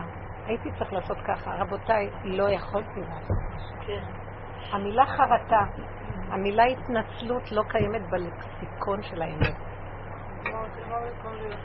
תגידו, זה לא נפלא מה שאני אומרת? זה השם נותן לי את הדיבורים, אני מלאת שקר מכף רגל עד ראש. כי אני כל כך רואה כל הזמן את השקרים שלי, ולכן הוא מדבר דרך מהפה שלי אמת. אני רואה את ההבדל. זה היכנעות הכנעה, הכנעה. עכשיו, כל מי שיגיד לי משהו, לרגע, כמובן שאני גם מונעת ביצריות וזה, אבל כל כך אני אוהבת את האמת, למרות שהיא נהדרת, פתאום אני אומרת לעצמי, אבל כל מה שכולם אומרים לי, וזה מרגיז אותי, אבל זה נכון, הם צודקים, כי אם זה לא היה אמת, לא היה מרגיז אותי. אז אם כן, תודי באמת. אין לך נגדו שום דבר, ולא נגד האי ולא כלום. אין לך מה להזיז פה כלום, הכל מושלם איכשהו. תודי, זה ההיפוך. זה ההיפוך. ההיפוך. ההיפוך. ל- במקום ל- להגיע דרך ה... לא, בעץ הדעת, את חושבת שיש לך שכל ישר, אז את עונה להוא, וזה עונה לך, וזה עונה לך. וזה עיקוף. וכש... והם חושבים שזה ישר, שכל הישר. אבל האמת, את לא יכולה מול עץ הדעת, אם תעני לבן אדם, הוא יענה לך עשר פעמים. תשתקי ותלכי ממקום אחר. העיקוף זה הישר, והישר זה עיקוף. עולם הפוך ראיתי. זהו. עולם הפוך, תאמו. רואים את זה במקצועיות של הצבת גבולות, של אה, להביא את ה... לא לא בסתירה לעבודה הפנימית כמובן, שעושים כל מי שאת מתארת, אבל כאילו את שוללת לגמרי את הפן של אה, המעשי של מול מי שעומד מולי. כאילו, אה, אני שוללת, כאילו בעבודה הזאת אני שוללת את האפשרות של התודעה של עץ הדעת, שנותנת לי איך להתנהג מול השני. בוא נתקרב, בוא נדבר, בוא נסביר אחד לשני, בוא ננסה להבין, בוא... רבותיי, אם אני רוצה אמת, אין אף אחד, באמת זה רק האדם מול בוראו. המקום. עכשיו רגע. דיברנו על זה בשיעור הקודם. שאמרתי לכם, אין מדינה, אין מדיניות, אין דמוקרטיה, זה דמיונות. אם הבן אדם? אם הבן אדם, הפרט, צריך לשרת איזה רעיון שנקרא מדינה, ורע לו, זה שקר. אם טוב לו והוא משרת איזה רעיון, למה לא? אבל אם רע לו, הוא כל כך כאוב ואין לו כוח, והוא צריך ללכת לשלם דפיציט של 4 מיליון דולר של המדינה, לא, הוא לבד, בוא נגיד פרטים, אז זה שקר. רגע, יש אופציה אחרת. כי השם ברא את האדם להתענג על העולם. ועשו ממני כאן מקום שאני צריכה עכשיו בשביל איזה רעיון שנקרא מדינה לעבוד. אם הרעיון משרת את הפרט, אז האמת קודמת, ואחר כך התוספות. אם התוספות השתלטו והאמת נהדרת, הבן אדם סובל, זה שקר, מה שנקרא מדינה. אם המדינה לא משרתת את הפרט, זה לא מדינה. זה רעיון הדמוקרטיה, וזה הפך להיות מוזר. אז אנחנו מאבדים לגמרי את הכיוון. מה שנשאר לנו ככה להבין, באמת, וזה השיעור הזה מטרתו להגיד לנו, בנות, אנחנו כאן מדברים שיעור, שזה כללי, אבל המטרה שכל אחד ילך הביתה, תתחילו לעבוד רק עם עצמכם. הבעל הוא אמצעי, הילדים זה אמצעי, השכנה היא אמצעית, החנות זה... מהלך הסיבות של היום זה אמצעי להגיע להשם. להודות באמת מול השם, לראות את התנועה של הצבעים והמידות וההתנהגויות, ולהגיד לו, תחפשו את הנקודה. אם אף אחד לא נגע, לי, לא נגע בי, יצאתי בשלום, אבל גם כן צריכים להיות עם הסכנה. אבל אם מישהו נגע בי ואני רואה את הצבעים שלי יוצאים, אני מתחילה לראות את השקרים שלי. אני לא רוצה להצדיק. נכון שגם הוא לא בסדר, מה זה יעזור לי לחפש את האמת? אני לא צריכה להתעסק בשני בכלל, רק במציאותי. וכשאני חוזרת למציאותי, אני חייבת להודות באמת. אני תקועה. אה, כן, אבל הוא גרם לי. הוא רק היה מקל שמעורר מה שמתעורר אצלי. אצלי האמת נהדרת, ואני נגועה. ואם אני מתוודה את הדבר הזה, זה עבודת האדם מול בוראו, דרך הצבעים שלו. נמצא שאני כל הזמן נמצאת ב... ביחידה הפרטית שלי. אם אני עובדת ככה, מתוכי יתחיל להתברר איזה כוח אנרגטי של חיות מדהימה, שמשמחת אותי, מחיה אותי, שומרת אותי, אין שם חרדה, אין דאגה, אין פחד, אין כלום. ואני רוצה להגיד לכם בסיומת מה שהשם שם לי במחשבה בשבועיים האחרונים מאוד מאוד חזקה. אני בכיתי להשם, אמרתי לו, ריבונו של מה, כל הזמן מחפש את האמת וכל כך קשה להשיג אותך. איפה אתה? היה לי רגע של עץ הדעת. כמה אפשר לעבוד, זה מאוד קשה להשיג אותך. אני מסתכלת על הצבעים, אני רואה את המציאות שלי, אני רואה שבתוך כל השקרים האלה, אני רואה שאני, כמו שהיא אמרה, זה השקר שלי, נכון, אבל סוף סוף אני רוצה שתתגלה יותר גדול. איפה אתה? למה אני רוצה יותר בגדלות להכיר אותך? אני בינתיים נמצאת במין מצב של בין לבין. עץ הדת הולך ונופל, הדת של הטבע, אין כבר עם מי לדבר. לא, אני כבר לא... אני אומרת, תעביר את המלח, היה טעים, מה נשמע? אין כבר על מה לדבר, כי הכל שקר. את מתחילה לדבר עם מישהו, מתחילים רעיונות, הרגשות, סיפוקים, עניינים, את מתבלבלת, שקט. שערי בנקודה שלך. אז אני אומרת לו, טוב, אני בנקודה. אבל איפה אתה? אני יודעת שאני במקום אחר ממה שהיה קודם, ויש מתיקות. אבל תתגלה יותר. ואז קיבלתי איזו תודעה חדשה שאמרתי שאני אשתף אותה איתכם. נכנס לי איזה משהו מאוד מאוד חזק, שאני מרגישה שהוא שולח ידיעה ברורה מאוד מאוד. והוא אומר ככה, באמת, את רוצה את האמת? באמת אין זמן ואין מקום. אין מטרה ואין תכלית, ואין לאן להגיע. את יודעת מה זה האמת? זה הנשימה הזאת, והסיבה שאני שולח לך בנשימה. זהו. סיבה. פתאום, פתאום נרגעתי, היה לי פשוט הערה מאוד גדולה מהדיבור הזה. כי אנחנו משתמשים בעץ הדת. בעץ הדת יש לעתיד לבוא, ועוד מעט, ויש מטרה, ויש גאולה, ויש עניין, ויש משיח, ואין זה. באמת, ביחידה שלי, באמת, מה זה משיח? אני לא יודעת. זו ספקולציה מחשבתית. מה זה גאולה?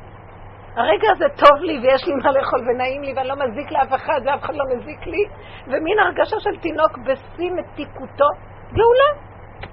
הוא אומר לי, תישארי שם, תפסיקו כבר, המוח שיגע אתכם, לאן לא נוסעים לחפש אותו?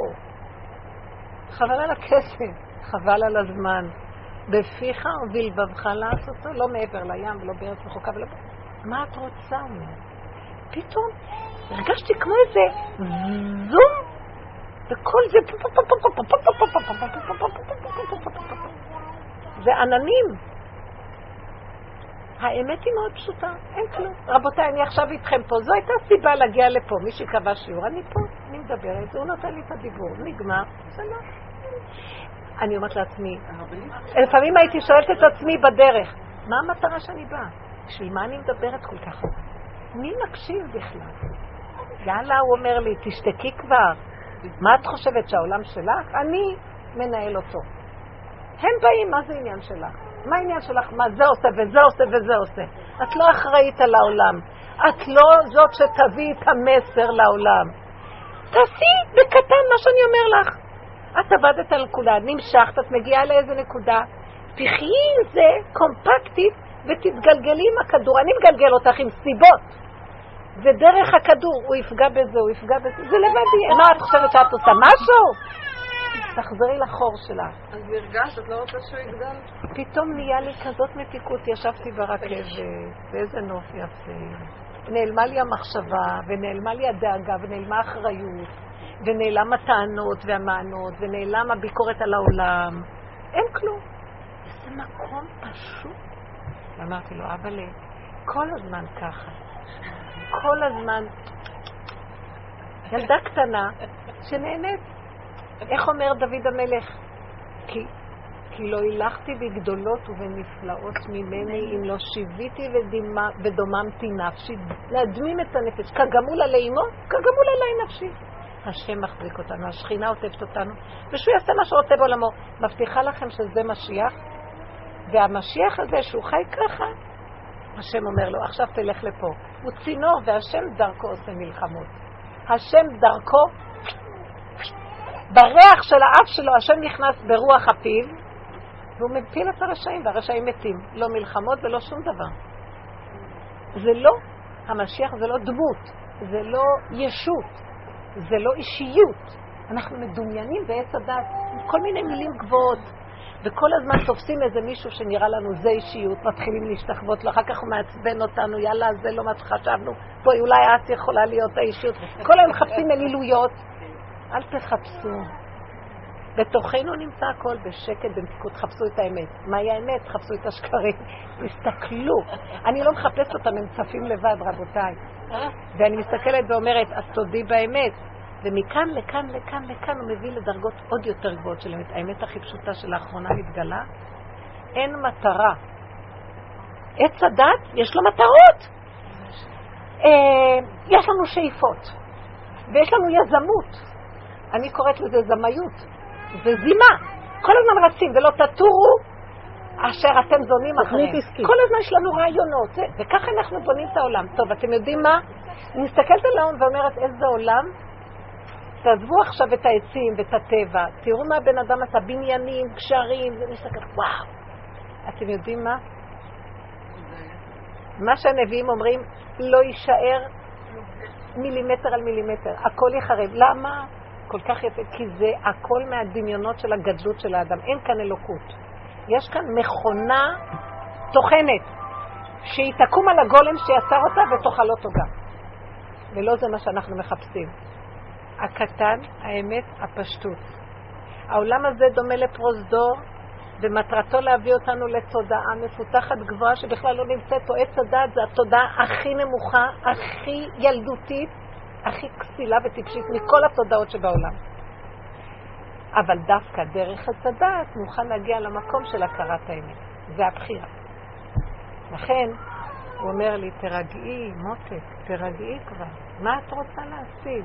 שלושת רבעי מהחיים נגמרו, ואת לא יודעת מה את רוצה להשיג בעצם. ואחר מסתכלת ואומרת, אבל אתה צודק, בעצם מה עיקר היום של האדם? לאכול ולישון. חוץ מזה הוא גם עושה דברים. אני רואה, אימא אחת אומרת לי, כל יום אני רק מסתכלת ואומרת, עוד פעם בלילה מקלחים את הילדים, משכיבים אותם, מקימים אותם בבוקר, אחר כך פעם אני רצה, נראה לי שיש לי חופש, עוד פעם לילה, עוד פעם בוקר, עוד פעם לילה, עוד פעם בוקר, עוד פעם... מה אני עושה בחיים שלי בעצם? אמרתי לה, כלום, את אוכלת וישנה, מאכילה ומשכיבה. אומרת, אז מה זה התכלית של החיים? אמרתי לה, למה לא? בתוך זה יכולה להתגלות תודעה מדהימה, שבשנייה אחת את קולטת, את מטיילת באין סוף עולמות. אבל בעולם הזה נראה לך שאת צריכה לעשות משהו כדי... אז מה קרה? אז הבני אדם עשו תוכניות ורצים, וכאילו העיקר זה התוכניות, והאכילה והשינה זה לשרת את התוכניות. מטומטמים. קודם נאכל טוב, ונישן טוב, ונהיה רגועים, ותיכנס תודעה אלוקית פשוטה מעליה, כי אנחנו רפואיים ורגועים, ובמקום שעץ הדת הוא משוגע, הוא חורש, בלי רגע מנוחה, היפראקטיבי, מדומיין, שהוא משגע את העולם, והיום זה מתחיל להתגלות. רץ לפה, עושה ככה, עושה ככה, עושה ככה. בסוף את מסתכלת, מה יצא מכל זה? כמה מיליונים הולכים על מה? וכמה מאמץ הבן אדם עושה, ומה יצא לו מזה? בסוף כולם הולכים לאכול ולישון. אז מה יצא מכל זה, תגידו? מה? הנקודה היא שבין העולם של ובין העולם הרוחני שאנחנו עושים למצוא את האמת בתוכנו, לאלה שעושים עבודה כזאת או אחרת, עדיין העולם עם הידע ועם הריצות, יכול להזיז אותך. הכל כאילו. כן. זה, כי זה אתה וייתם נמצא כאלוקים. פה במקום כזה שלא מעניין אותך כבר כל הריצות, אני אחזור אליכם באמצע שיעור. אני אחזור, אני אחזור, אני באמצע שיעור. וכבר הגעת לשלב שלא מעניין אותך כל הריצות, זה אינטרנט, זה עוד מידע ועוד מידע, זה כבר לא נותן כלום במצב שלי היום. אבל עדיין יש איזה שידור מהחברה נכון, שאתה צריך, איך אתה לא עושה. נכון. כאילו אתה נמצא באיזה... אני מציעה לכם לסגור את התדרים שפונים לחברה. תראו, זה... אני, בוא, למה אני מציעה לכם? כי מילא היה יוצא לנו מזה איזה משהו. זה כאילו כל הזמן לרצות את החברה הדמיונית שלי במוח. הרצון לרצות, היא רוצה לרצות אותי, אני רוצה לרצות אותה, אני אומרת לה, כאילו, אני הולכת לאיזה אירוע. זאת שעושה את האירוע אומרת, יאללה, אין לי כוח כבר מאף אחד, אבל מה נעשה, לא נעים. וזאת שבאה אומרת, לא נעים, אין לי כוח ללכת אליה, אבל לא נעים לא ללכת. זאת לא נעים, זאת לא נעים, וכל לא נעים הזה עומד מול השני, וכל היום החברה היא בלא נעים הזה.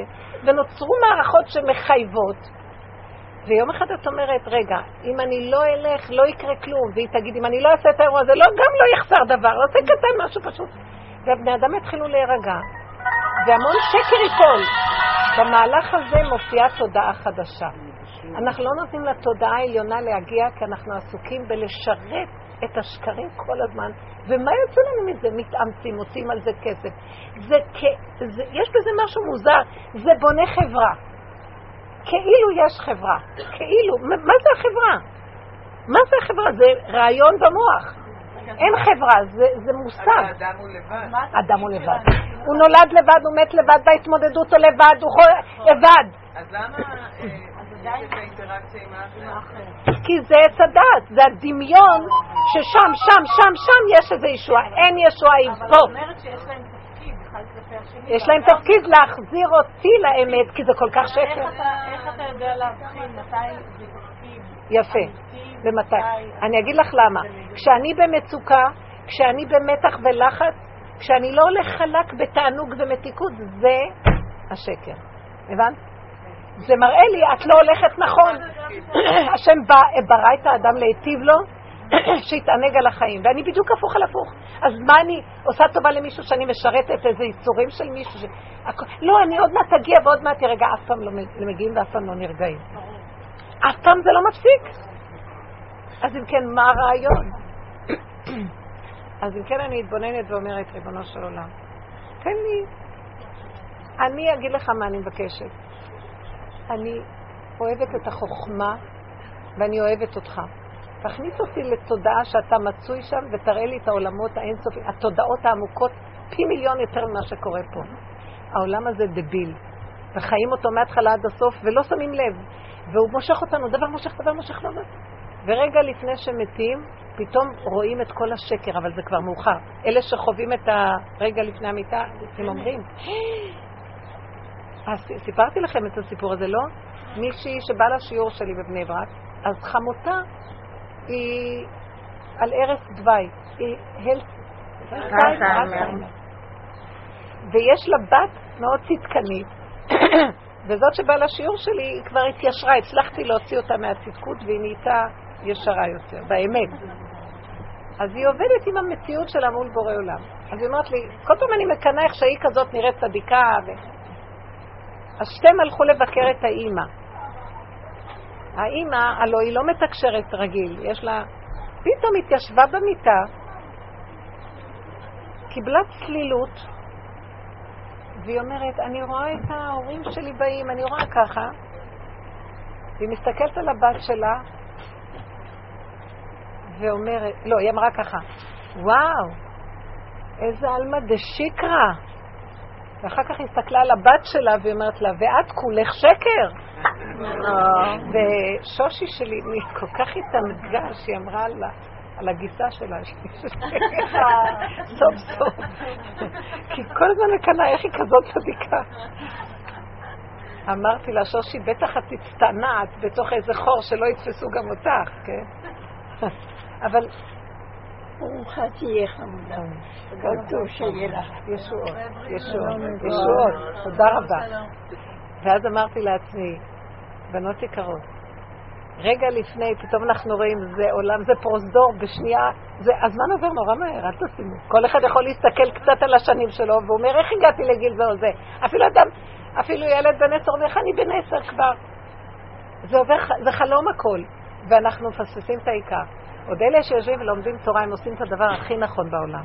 עזבו את הכל, לומדי התורה, אין עליהם, יותר טוב מבעלי החסד וכל הצדיקים שמתפללים כל היום. אני אומרת לכם, אלה הכי באמת, הם מכניסים, כי הם מתומצתים עם, עם השכל שמתחתיו יש את האמת. הוא מכוסה בגלל עץ הדת, אבל הם עסוקים בנקודה ובבירור. רגע הם סוגרים את הגברות והולכים לעולם, הם נופלים בשקר על המקום. העולם מעוות לא יוכל לתקון. אין לנו, אין תיקון, אין תקנה. תמעיטו, תכניסו אותו לצמצום. לא יותר מדי אינטראקציות, יותר מדי אנשים, יותר מדי ילדים.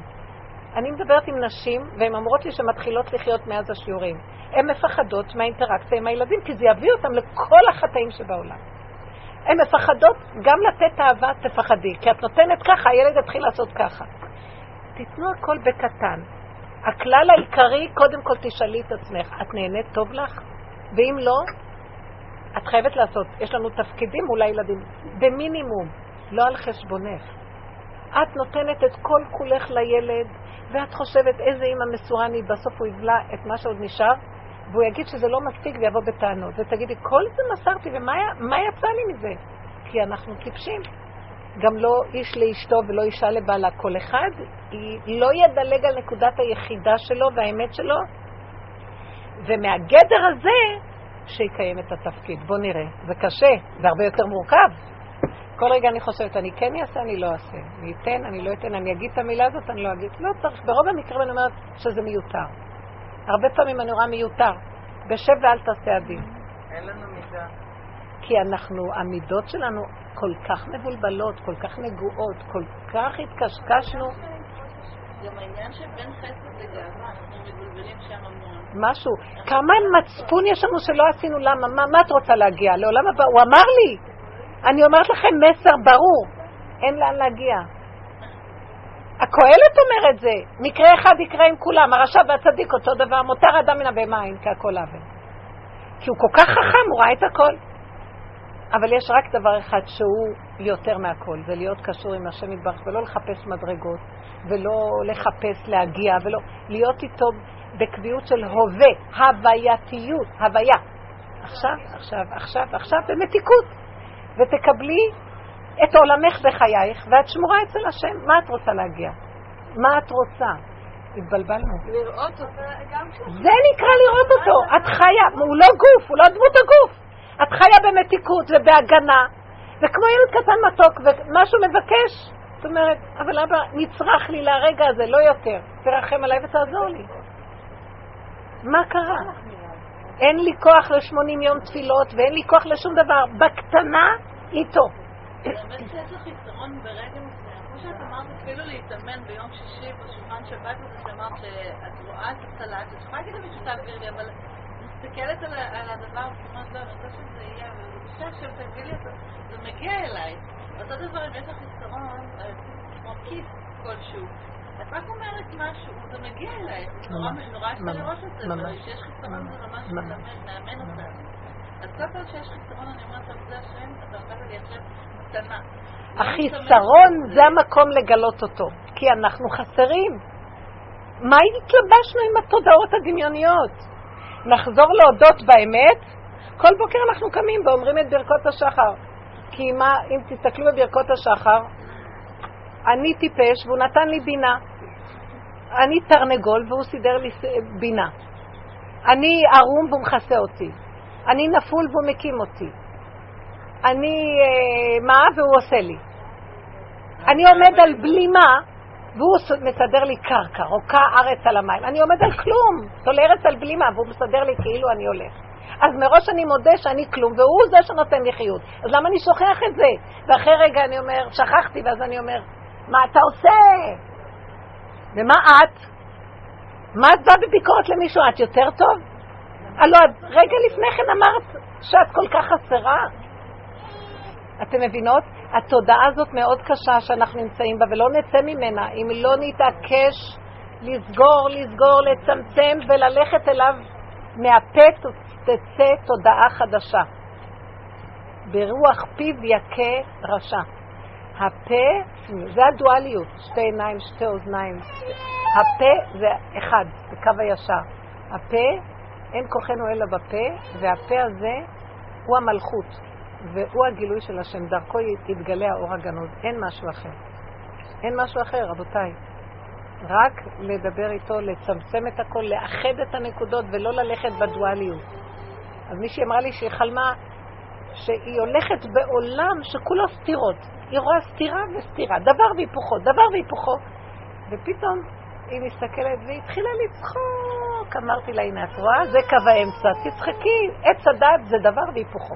כל היום אנחנו עושים ככה, רצים לככה, רצים ככה, רצים ככה. עוד מעט, עוד מעט, נגיע, נגיע, נגיע. מטלות, שאיפות, הנה, אף פעם לא מגיעים. תתחילי לצחוק, זה הבל פה הכל. בתוך כל זה, תדברי עם השם. זה האותיות שהוא ברא להיות מחובר איתו. ודרך זה עושה לנו את הישועות, זה הכל. פשטות, אני לא יודעת מה יהיה עוד רגע, לא יודעת כלום, אני כבר לא מחפש את הגאולה גם, רבותיי. גם משיח חבל על הזמן, מה זה הדבר הזה? כל יום אומרים לנו, הוא בא והוא לא בא אף פעם. אני לא נגדו ואני לא בעדו, יכול להיות שיש כזה דבר, זה לא קשור אליי, שבור עולם יסדר מה שהוא רוצה בעולמו. מה זה קשור? טוב. קודם אמרת רק אה, נקודה קטנה שנשארה לי לא סגורה מקודם, לגבי התפקיד של הנחש, למה הוא שם את הנחש לא זה כן, למה הוא. שם את הנחש? הסברה שאני חושבת הוא שהוא עורר את כל הבלגן הזה.